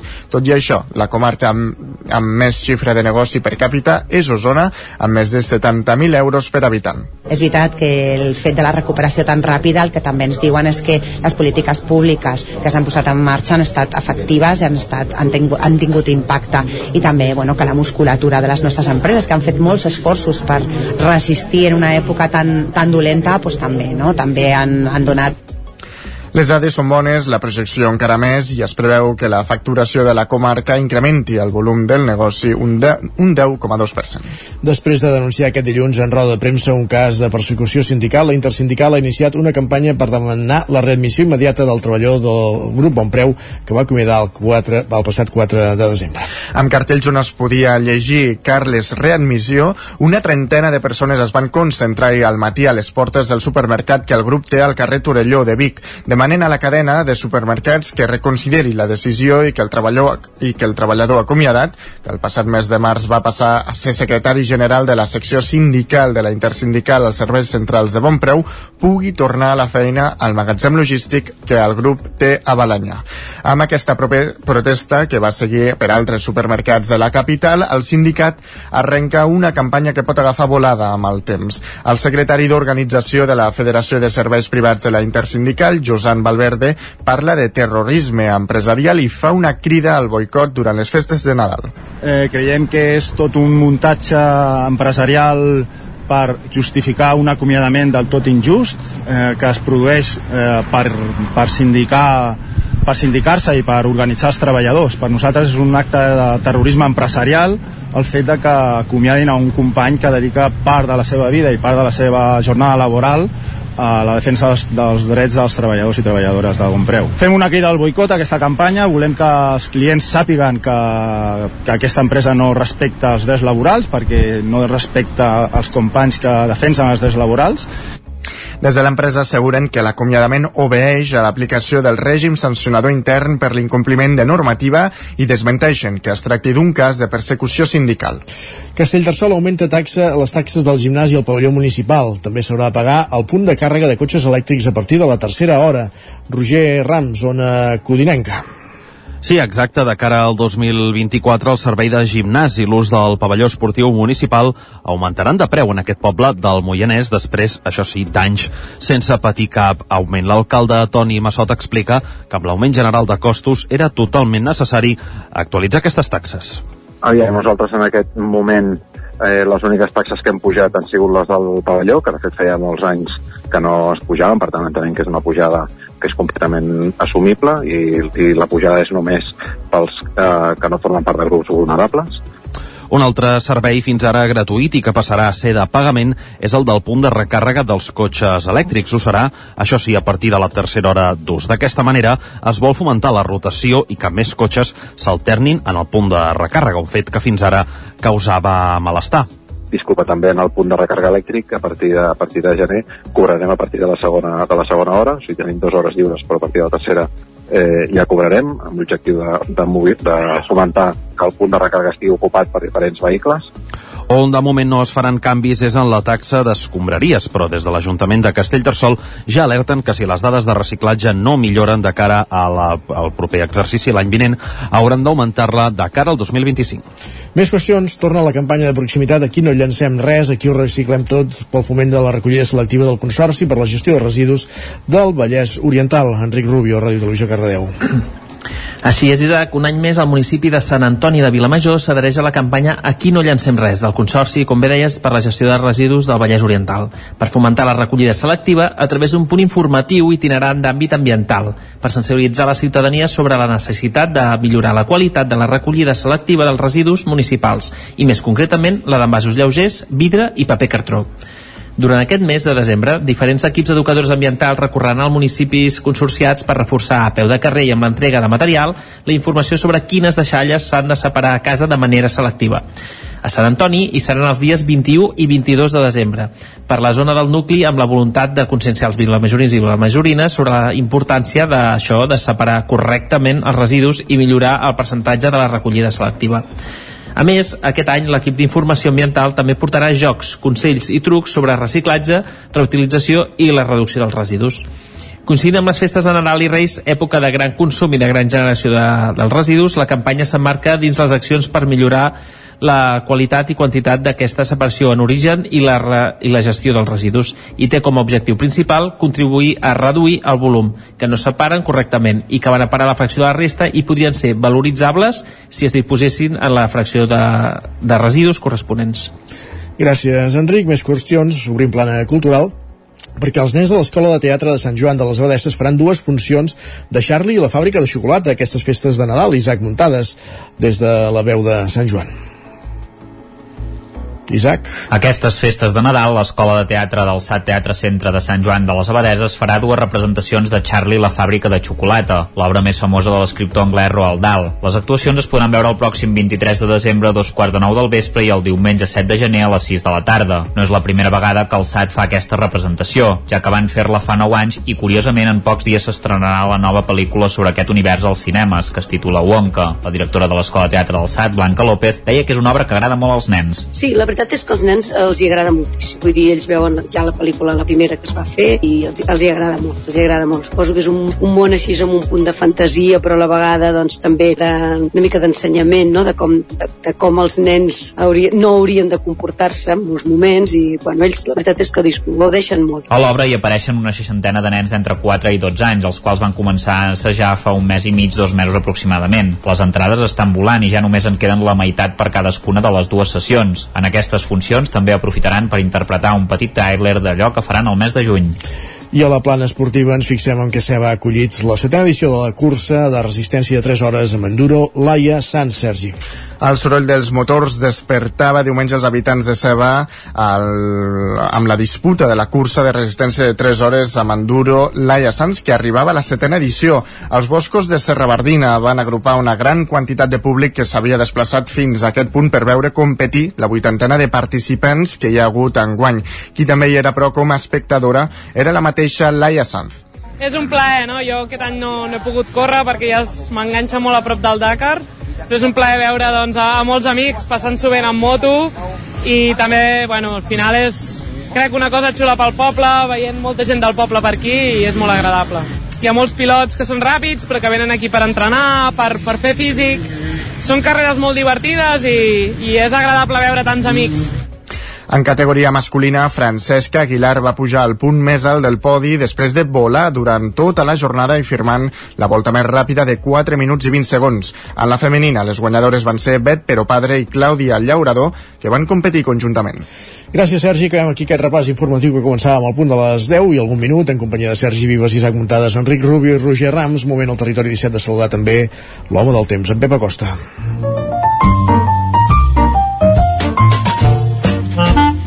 Casa Terradellos us ofereix el temps. Per tant, tornem a una codinenca. Pep Acosta, benvingut de nou, bon dia. Hola, bon dia.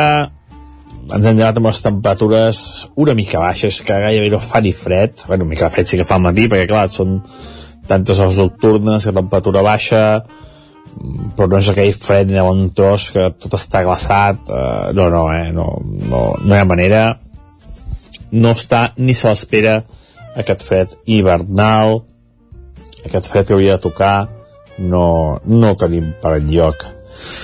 Um, més coses uh, ahir ens va passar un petit front gairebé inapreciable no ens va deixar precipitacions uh, va treure alguna boira però bueno, ja tornem a tenir anticicló sobre un anticicló potent just a la nostra que serà el causant de que l'últim dia de tardor també faci molt de sol no tinguem gairebé cap núvol i les temperatures màximes siguin força suaus a molts punts entre els 13, 14, 15 graus en els jocs més càlids per sobre fins i tot d'aquests 15 graus. I de cara als pròxims dies de cara a l'inici de l'hivern no es preveuen canvis, no es veuen canvis per enlloc, eh, tot el contrari, molta suavitat, molt de sol, temperatures encara una mica més altes i cap, cap precipitació a l'horitzó meteorològic. Un panorama realment molt decebedor. Ens escoltem demà, que ja faré la previsió per, uh, per Nadal, perquè el Nadal Sí. que el tenim ja aquí a tocar, uh, els primers dies d'hivern, però bueno, ja avanço això, eh, que serà uh, realment uns mapes uh, que no motiven gens i que són molt, molt dolents a curt i mig termini. Moltes gràcies, adeu. Doncs va, parlem demà. Gràcies, Pep. Casa Tarradellas us ha ofert aquest espai. Un quart d'onze del matí anem ràpidament cap a la cuina. Més que la cuina, avui anem a l'Obrador, a la Foc Lent. Ja sabeu que parlem de gastronomia, també de producte, i un dels productes estrella per aquests propers dies són els torrons. I avui, eh, Roger Rams, des d'una continent que visita el forn de pa i pastisseria Catot de Monistrol de Calders, a la comarca del Moianès. En Roger Rams, com dèiem, s'hi endinsa per conèixer les diverses varietats de torrons artesans que hi elaboren, entre d'altres productes. Roger, benvingut, bon dia. Doncs avui a la sintonia d'Ona Codinenca hi tenim a la Xènia Catot i l'Albert Catot, són pare i filla i són de la pastisseria Forn Catot de Monistrol de Calders. Amb ells parlarem avui de dolços en una de les èpoques més ensucrades de l'any. Uh, bones, què tal? Benvinguts. Hola. Hola. Bona tarda. Ara dèiem a la introducció que aquesta és una de les èpoques més ensucrades de l'any. Eh, és així? És quan més feina teniu de tot l'any, aquestes èpoques de Nadal? Època de Nadal i Pasqua. Sí, sí, sí. Però, Setmana Santa. Sens dubte, eh? Sí, és una de, de les èpoques amb, amb, on, on mengem més dolç, eh? Efectivament. Sí, sí, podria dir que sí. Parlant de, de dolços i de Nadal, us haig de preguntar pels torrons, tot un clàssic a casa vostra. Expliqueu-me, quantes varietats en feu? Ara mateix, moltes. Potser fem... Una vintena? Sí, 19 menes de torrons o una vintena aquest any, em sembla. Déu-n'hi-do, déu nhi déu I com és el procés eh, creatiu de- d'aquests torrons per fer-ne tants? Bueno, hi ha alguns torrons que fa anys que ja elaborava el meu pare Sí. i llavors quan jo vaig estudiar vaig veure coses diferents i vam anar aportant torrons nous, receptes noves a, a casa i també amb cursos que hem anat fent doncs agafes inspiració d'un lloc o d'un altre um, proves receptes noves i segons el que va agradant a la gent. Anem movent Quins són els, eh, diguem, els més clàssics? El, el més clàssic és eh, el de crema cremada, el de nata nous, a part de Xixona i Alacant, el, el torró de cruixent de neula de neula, mm, Aquests són els, els tradicionals que, de tota la vida que hem anat fent. Sí, llavors eh, amb el que s'ha innovat més potser és amb el tema dels trufats, el tema de, de xocolata i coses així. Sí. Diferents. Això és el que es porta més ara.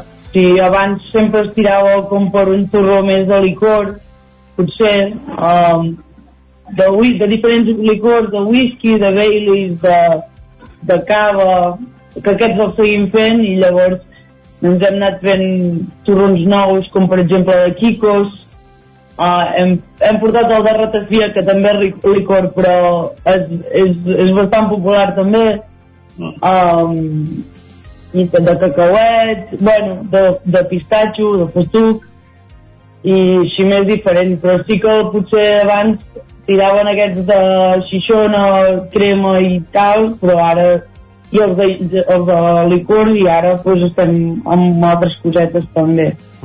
El, el més eh, trencador, diguem, quin seria? Quin gust seria? El, el trencador, diguem, no sé, aquí, aquí marxa molt el de ratafia. Aquí ens agrada el de ratafia. Ratafia, home.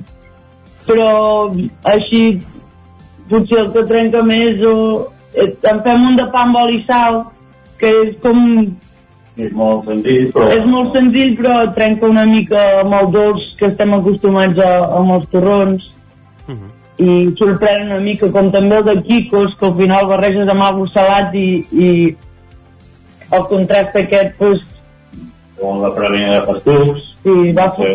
va sobtar una mica i després, bueno, ha agradat molt, la veritat. Sí. Mhm. Com ens hem d'imaginar que és el procés de- d'elaborar un torró? És a dir, com feu els torrons?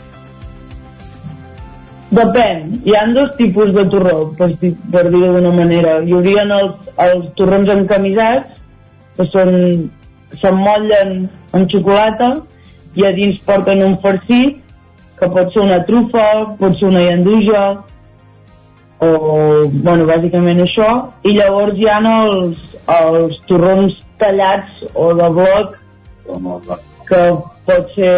De massapà, el tipus de massapà, de, el de crema, el de nata nous, el de coco i, i taronja, coses així.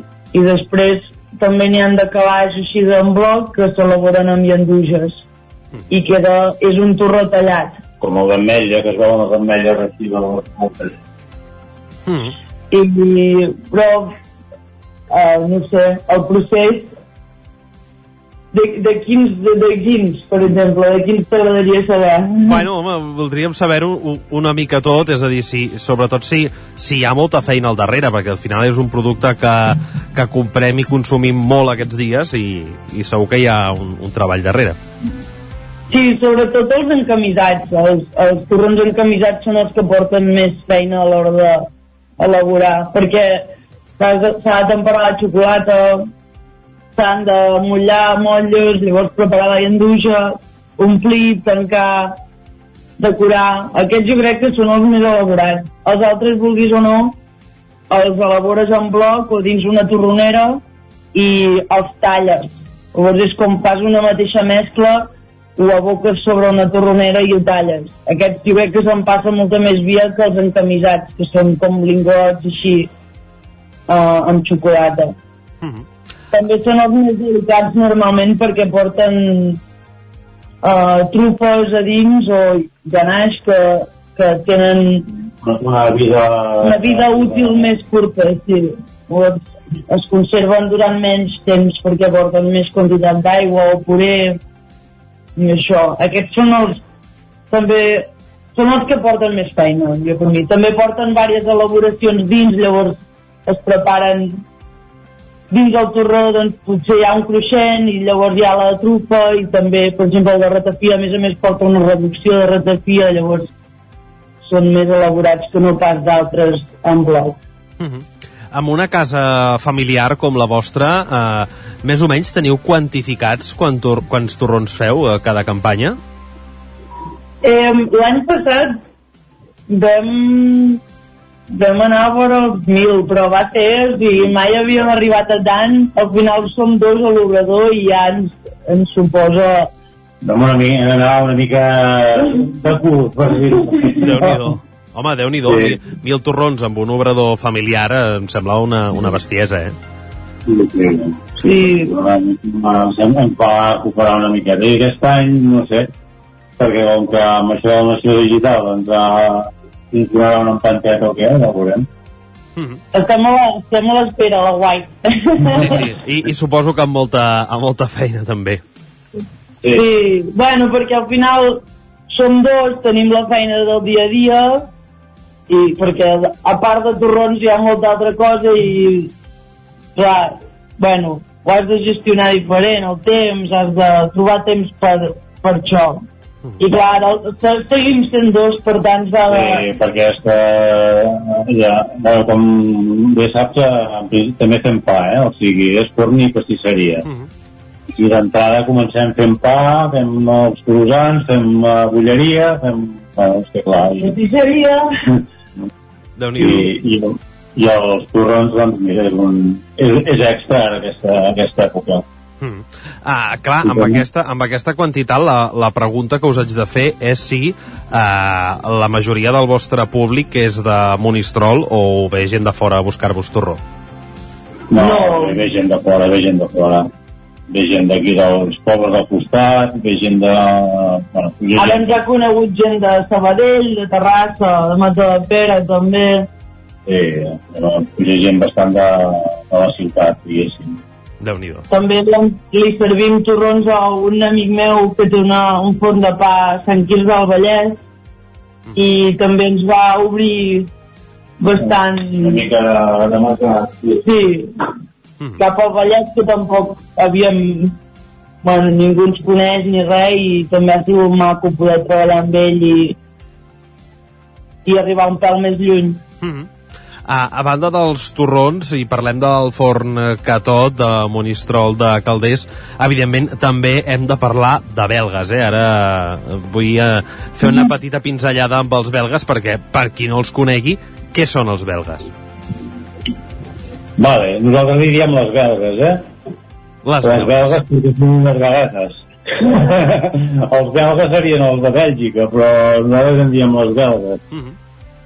A veure, això és una pasta que, que va sortir de, de quan el meu germà i havien anat a treballar a Sabadell a, a una pastisseria Sí, que també i en fan. és, és, típic, és típic de Sabadell -huh. de, i el va, ho va portar aquí i bueno, jo, jo què sé jo des de petit me'n recordo que ja sempre es feien belgues i és una és una és una pasta amb, amb sucre i uh, mantega i vainilla i bueno, es, es fa al forn, es fa com bueno, es fa una, una doble fermentació i, eh, i llavors es, i quan es cou i es, es treu al forn es giren les pastes al, al sortir del forn i queden cruixents, dolces eh, bueno, Una rebufada de eh, sí, arrebossades, arrebossades i ja està no?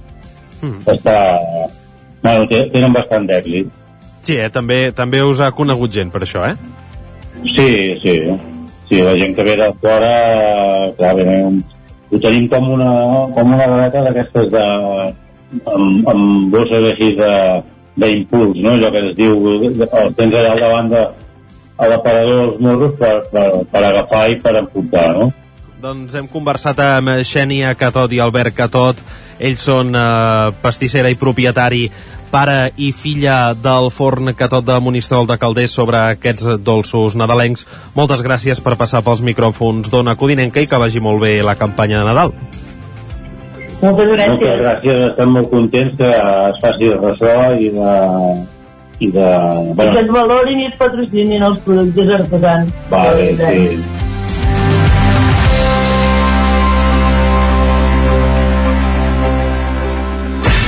El nou FM, la ràdio de casa, al 92.8. Situat en un entorn immillorable, envoltat de natura, a l'hostal restaurant La Guineu tenim la brasa encesa tot el dia per esmorzar, dinar o sopar a la fresca. Ja tenim a punt les opcions de menús d'empresa i per les festes de Nadal, Sant Esteve o Cap d'Any. Estem especialitzats en opcions vegetarianes. Hostal La Guineu. Ens trobareu a l'urbanització Les Guilleries de Viladrau. Obrim tots els dies.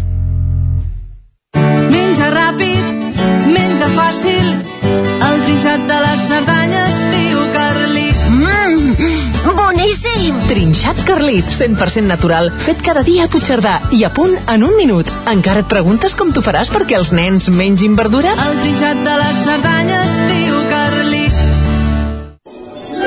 Tens 20.000 motius per comprar Centelles.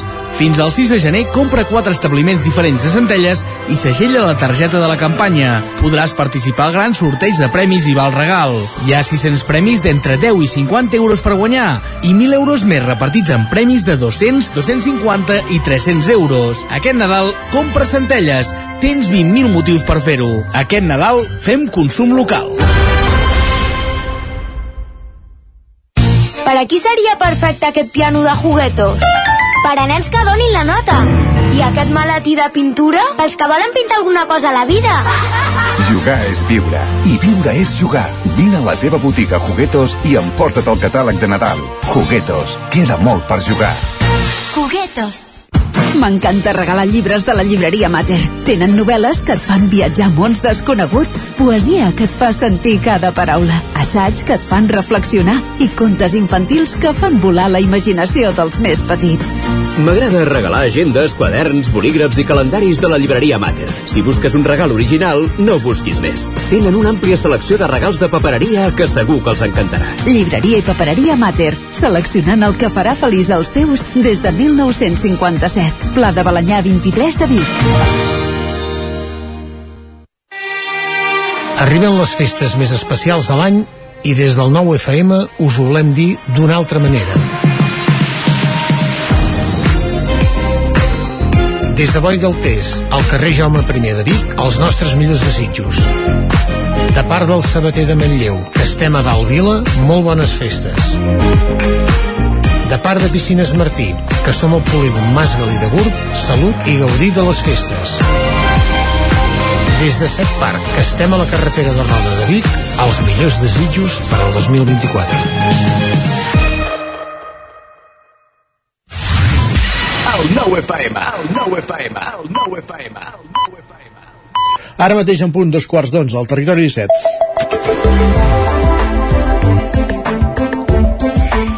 I és hora, com cada dia, de saludar en Guillem Sánchez, que ja el tenim als estudis del 9FM, després d'haver repassat el més destacat que ha trobat a X, a Twitter, una xarxa que aquesta nit ha caigut. Jo he estat, he estat a punt, Isaac, d'enviar-te un missatge i dir no sé si podrem fer sec- secció avui perquè a quarts de vuit del matí no, no s'hi No. podia entrar. I ara sí? Ara sí, ara ja es pot consultar tot amb calma, tranquil·litat i normalitat. Molt bé, i què has trobat, doncs, va? Doncs mira, gent que té, que té plans per, per Nadal uns plans una mica diferents, em sembla que Ah, el que ja. és, són habituals diu el pla és molt clar, gripasso, manta, sofà i marató de pel·lícules de solo en casa que diuen que arriben les festes i ja s'hi val. A mi un any em va tocar Covid. Hi ha molta gent tocada, eh? A Sí. més aquests dies hi ha molta gent tocada. Esperem que no sigui, que no sigui el vostre cas.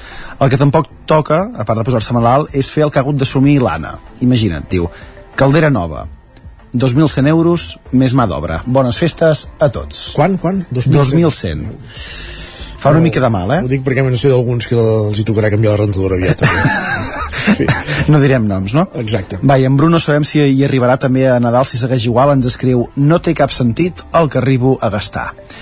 Ens hem de controlar, eh, aquests Exacte. dies. Ens hem de controlar. Consell del dia. Controleu Despesa, les vostres despeses. reciclatge, en fi. Tot el que sigui. Va, amb els alumnes, Reutilització. I amb els alumnes ja a casa, Isaac, per vacances i escoles tancades, rescatem una piulada d'en Roger, d'ahir, que deia... Què deia en Roger? La professora de música els va posar Torrente 1 a la classe del meu fill. Mare de Déu! 13 anys té el nen. No l'he vist mai tan flipat en sortir de l'escola. classe de música, eh? Recordo. Classe eh? de música, sí, classe sí. de música. Que, hi havia el Fari, no?, amb aquesta banda sonora, la Sí, Torrent sí, sí, el sí, sí. Imagina't, imagina't el nivell.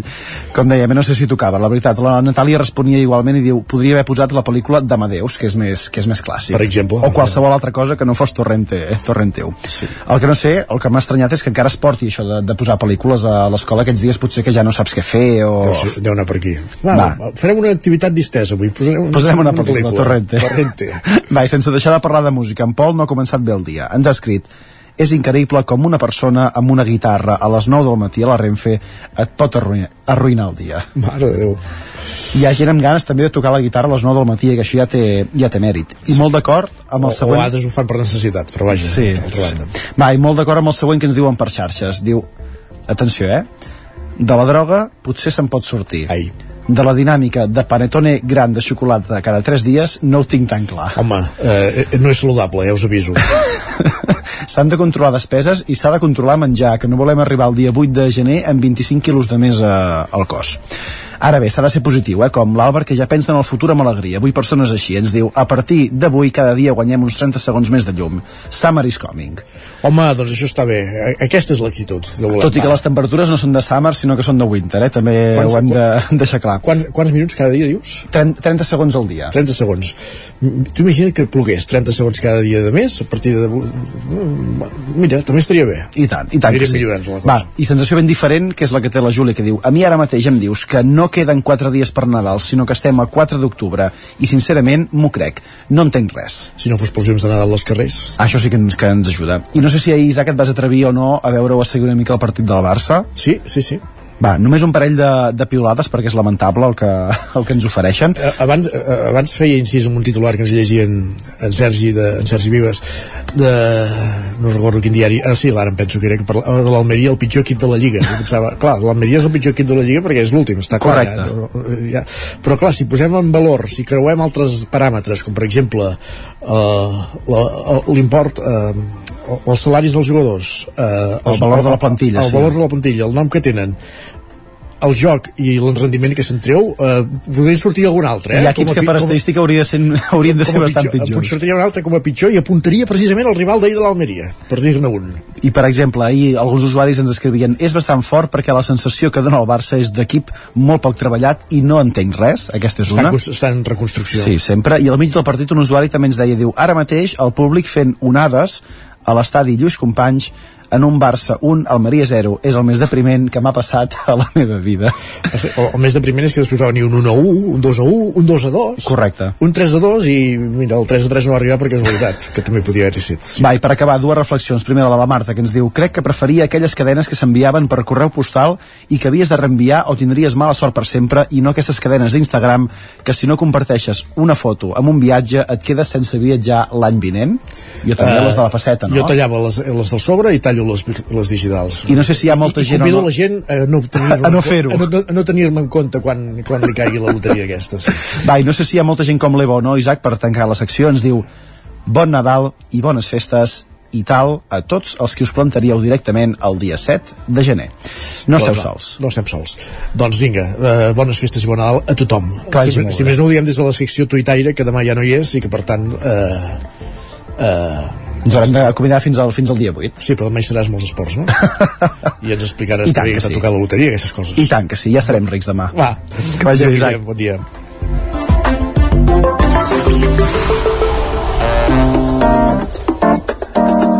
Territori 17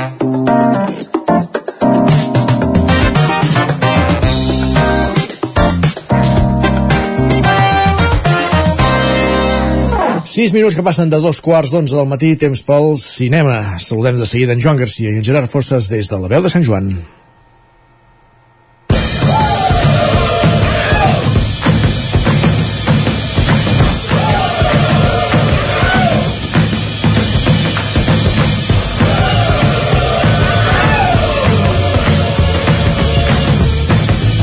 I amb aquesta nova sintonia d'aquesta temporada ben animada, moment de donar la benvinguda amb en Gerard Fosses. Hola Gerard.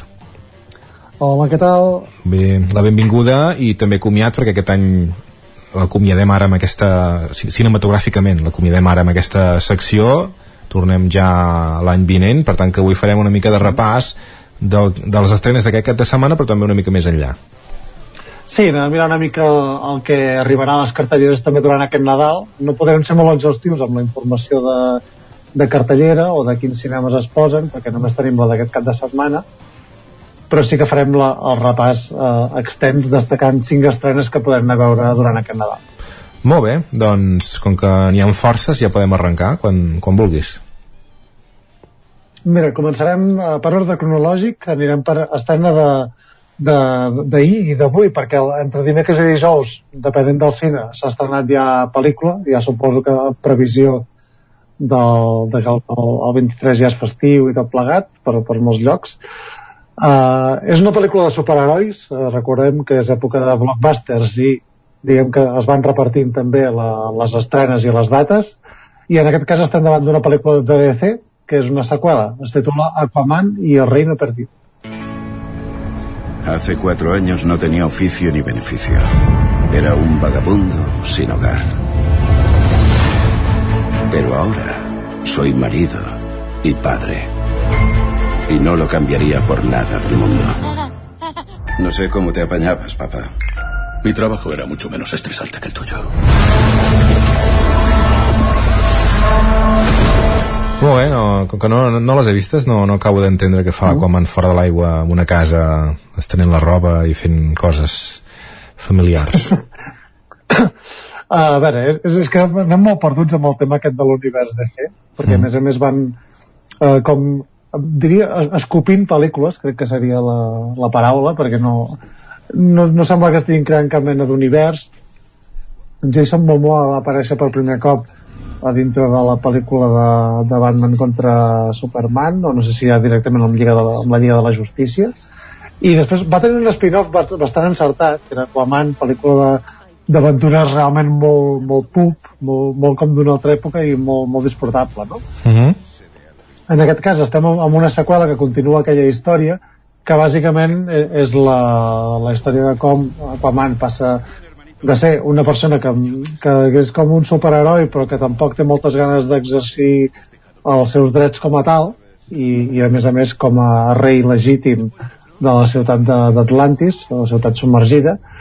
Uh, la primera part era una mica com el viatge per convertir-se en aquest rei que, que feia falta i diguem, aquesta seqüela és com un desgavell que hi ha al voltant de, de partir d'aquest regnat i com, com, es, com, diguem, com es recol·loquen les coses en aquest cas doncs, també amb l'ajuda del seu germà doncs, lluitant contra una nova amenaça uh, però bé, és una pel·lícula que òbviament encara no, no he vist per tant ni la recomano ni la deixo de recomanar però sí que he llegit les primeres crítiques que han sortit, que han set poques, suposo que han volgut guardar-se una mica les espatlles, mm. però, però no són massa bones. I, i mira que el director James Wan, que, que és un director que em sembla extraordinari, és un habitual de pel·lícules de terror, de les primeres de, de l'univers Warren, d'Insidious, també va dirigir l'anterior d'Aquaman, va dirigir una seqüela de, de Fast and Furious, i seran, moltes seran pel·lícules de més o menys qualitat, però hi ha un director darrere que té una, una diguem, és un autor com molt marcat, sobretot amb l'estil. Uh -huh. I aquí sembla que, que es difumina bastant respecte al que és ell com a autor i ha, aquí hi ha desconnexions per retallades que hi ha hagut després de la pel·lícula, si s'han hagut de tornar a rodar coses amb, amb directors ja diferents però vaja, aquest tipus de produccions que són tan mastodòntiques i alhora tan caòtiques s'acaba desdibuixant tot plegat i en surten això, productes de qualitat mínima que van una mica a salvar el taquillatge. Molt bé, i sense l'Amber Heard, no?, que que en teoria estava dintre d'aquesta saga i que al final eh, tot sembla que, bueno, que amb el judici que va tenir amb el Johnny Depp i això doncs que s'ha acabat la, sí. la seva la seva sí, participació fet, en aquesta saga i just no aquest... Digues, digues crec que apareix a la pel·lícula però, però ja diguem que tenia un protagonisme més preeminent com tenia a, a l'anterior però crec que ja l'han deixat com una presència momentània com per recordar que estava allà i justificar que no hi sigui mm i poca cosa més. No sé si al final l'han tret del tot, eh? però, però vaja, sí, Amber Heard havia d'estar aquí i misteriosament ha desaparegut. Mm. Cosa que també passarà amb un altre actor d'una altra franquícia de superherois, la de Marvel, perquè aquesta setmana s'ha sabut que un dels actors que tenia algun judici ha estat declarat culpable i, i ja l'han donat de baixa. Sí, sí. Eh? I a més a més era... Sí, efectivament, i, i tindran un problema gros, perquè era com el dolent principal de tot aquest eh, d'aquest multivers que estan creant mm. i diguem que tot conduïa cap a ell de fet és el personatge que ha aparegut a més pel·lícules últimament encara que sigui amb, amb un rol més secundari mm. però vaja, eh, diguem que Marvel s'haurà de reconfigurar per, per substituir aquest, aquest acomiadament merescut de, de Jonathan Majors que recordem això que ha estat eh, condemnat penalment. Ara no sé si era per agressió sexual o ben bé per què era però, uh... però vaja que, que ha estat condemnat per la llei. Mm per agressió i per, i per com es diu acoso en català? Ara no em surt. Uh, assetjament. Això, exacte, molt bé, per això tenim.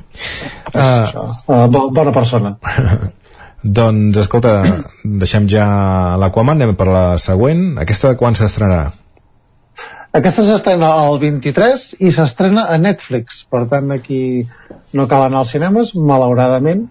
Uh, és la nova pel·lícula de Bradley Cooper, que ja va com fer els, els obri pas als Oscars a través del remake de Nacido una estrella i aquí intenta fer el mateix amb, amb un biòpic de, de Leonard Bernstein titulat Maestro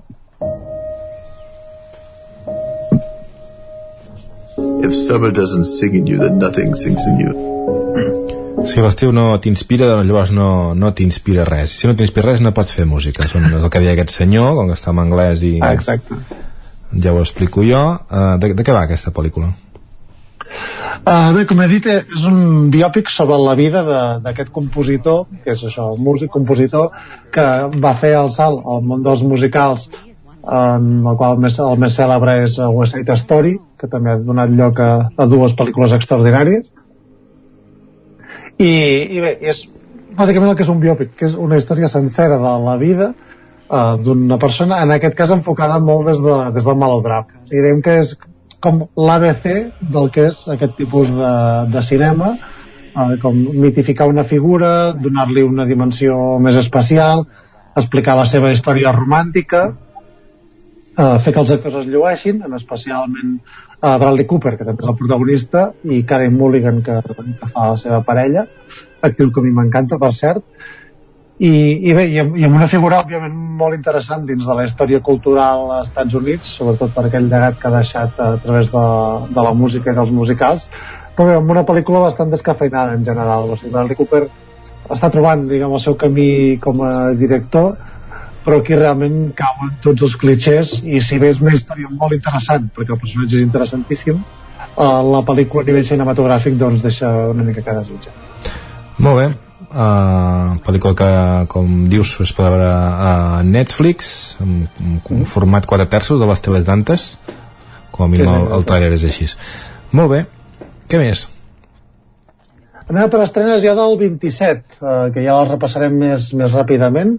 Uh, 27 de, de desembre, que és ja després de Nadal, abans de Cap d'Any, uh, s'estrenen dues pel·lícules ba- bastant interessants, d'autors molt interessants. Uh, el primer dels quals és Aki Kaurismäki, actor, fil, uh, director perdó, finlandès, que arriba a les sales espanyoles amb Fallen Leaves.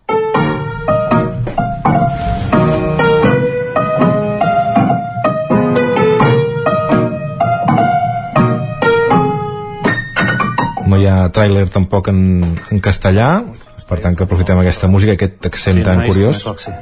No sé si és, si és no sé quin, quin accent és aquest, tu uh, ets més bo amb això. Uh, Explica'ns. No, no sabria què dir-te.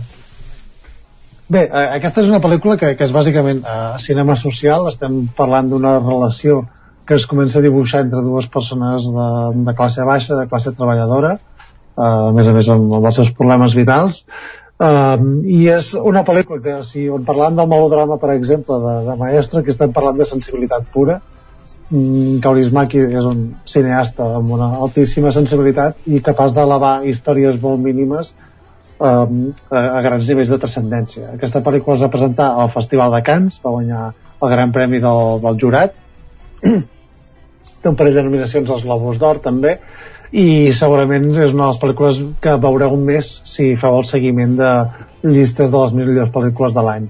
Uh, per tant, arriba allò com a toc de campana, l'últim dia pràcticament, però si arriba a les nostres cartelleres, que això sí que no podem saber perquè se sabrà la setmana que ve, doncs crec que és la, la pel·lícula sens dubte que s'ha d'anar a veure aquestes festes. És finès, és finès, l'idioma. Molt bé, doncs una més. Què, què més tenim? Següent, aquí tornem cap als Estats Units amb un director ja bastant conegut i també molt habitual de, de les temporades de premis com és Alexander Payne que, que bé, li interessa més aquest també cinema enfocat eh, més, a l'intimisme amb aquest eh, film titulat Los que se quedan.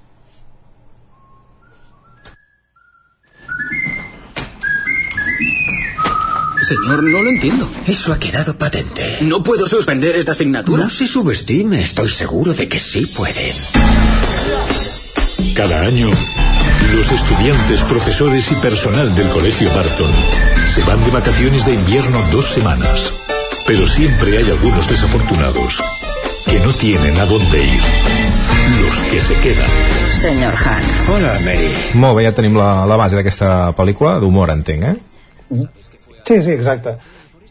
És una comèdia negra, direm, amb, amb punts de drama també, uh, molt a l'estil de la seva filmografia. Alexander Payne ha dirigit uh, pel·lícules això com uh, Una vida a lo grande, uh, Los descendientes, um, Entre copes, per exemple, que barreja la, la comèdia amb aquest punt de, de melancolia doncs, més, més aterrada.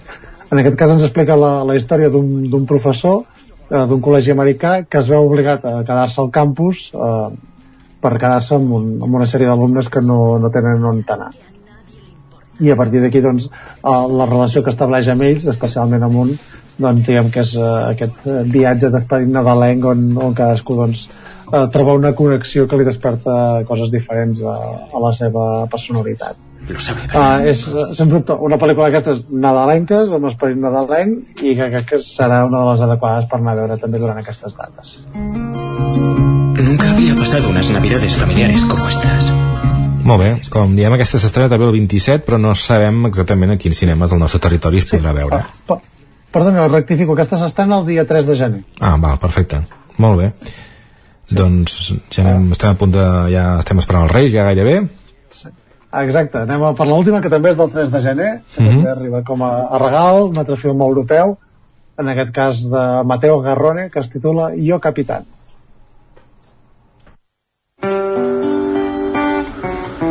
Salam aleikum, queridos ancestros, con nuestro más profundo respeto. Nos ponemos en vuestras manos. Para un viaje que vamos a empezar, pedimos vuestra bendición. ¿Te da miedo? Sí, tengo miedo. Eso es, ¿ves? Piensa en convertirte en una estrella. ¿Quién te ha metido esa idea en la cabeza? Tienes que quedarte aquí y respirar el mismo aire que respiro yo.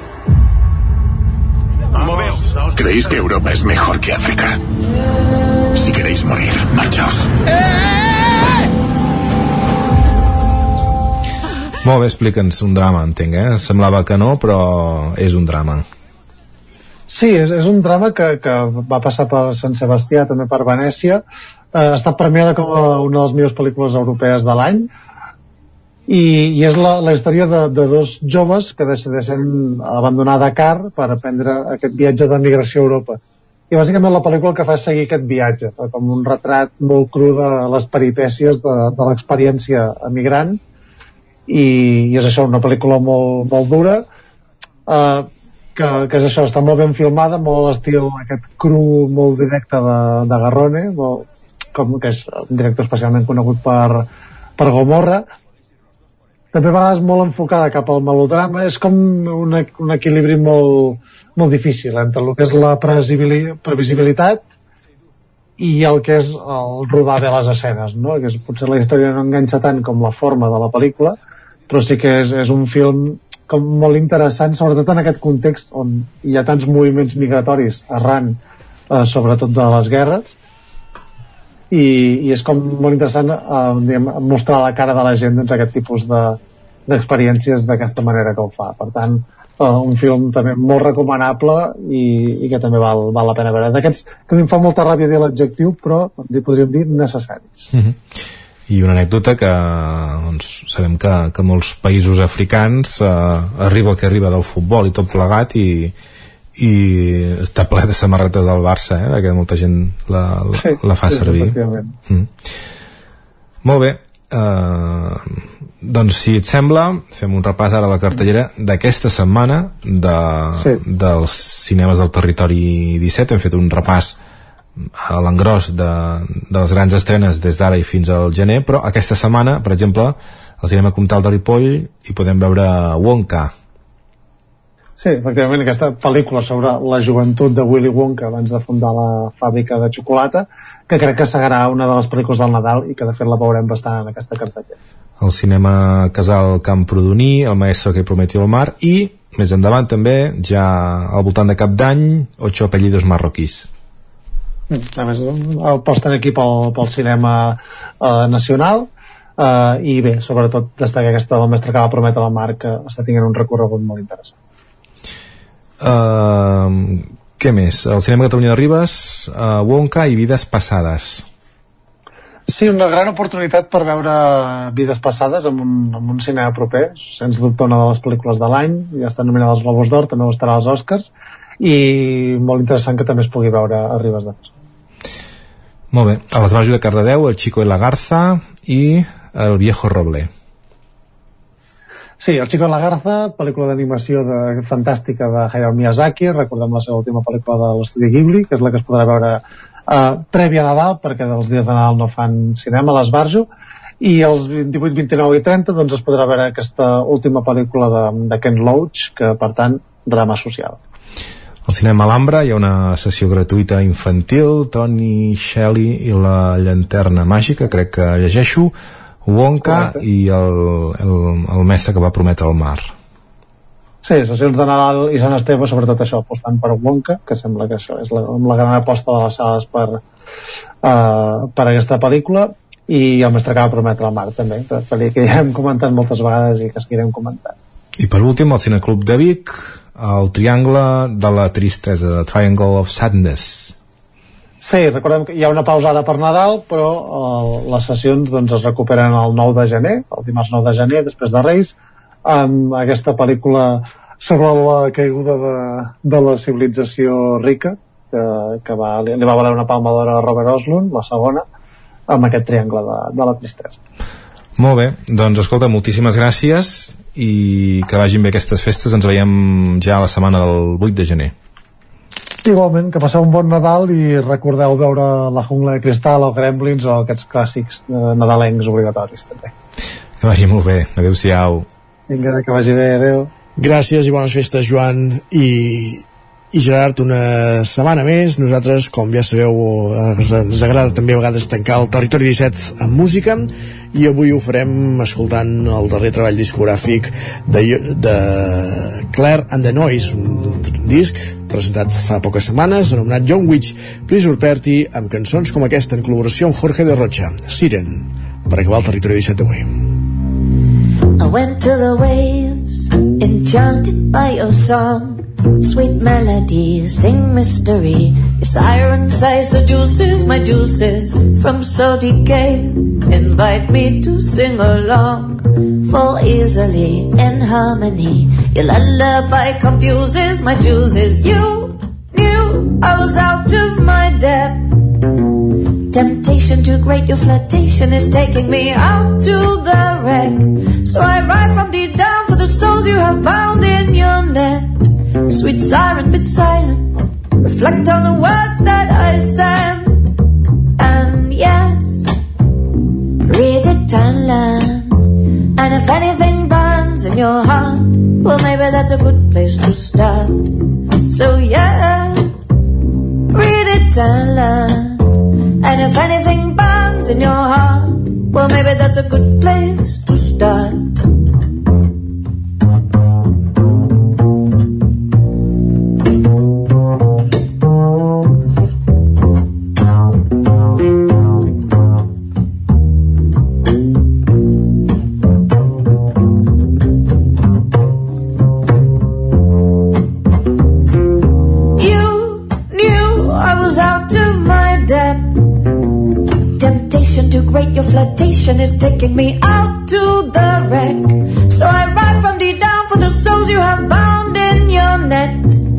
Siren, but silence.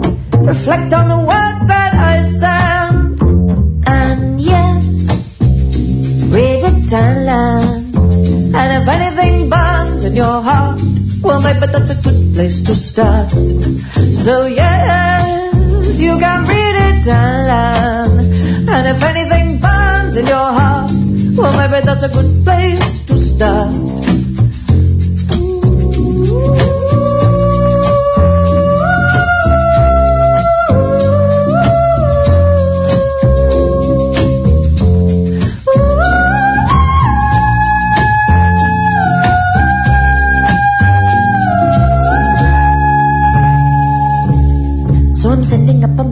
A bottle to your island of the muscle and the cockle. And I hope that it will reach your mind and you have mercy upon all the souls you imbind. So yes, read it and learn.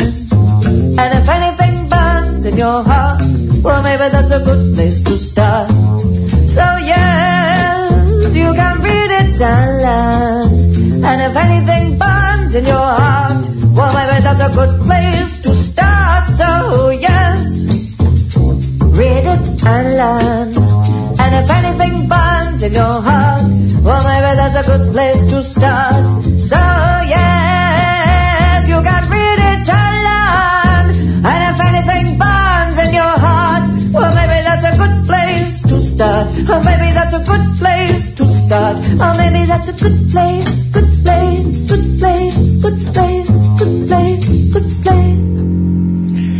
Doncs amb música, arribem al final del territori 17 d'aquest matí de dijous 21 de desembre de 2023.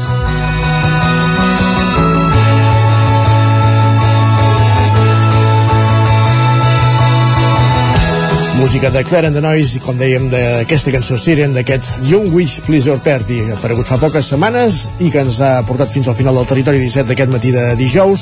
Us hem acompanyat des de les 9 Enric Rubio, Isaac Muntades, Pepa Costa, Roger Rams, Guillem Sánchez, Gerard Fossa, Joan Garcia, Sergi Vives i Isaac Moreno. El territori 17 hi torna demà, 22 de desembre, dia, loteria, dia de loteria i dia de ràdio. Per tant, estarem també pendents del sorteig dels nens de Sant Ildefons demà des d'aquí, des de l'antena del territori 17. Fins aleshores, bon dijous i gràcies per ser-hi. Adéu-siau. Territori 17, un magazín del nou FM, Ona Codinenca, Ràdio Cardedeu, Ràdio Vic i La Veu de Sant Joan, amb el suport de la xarxa.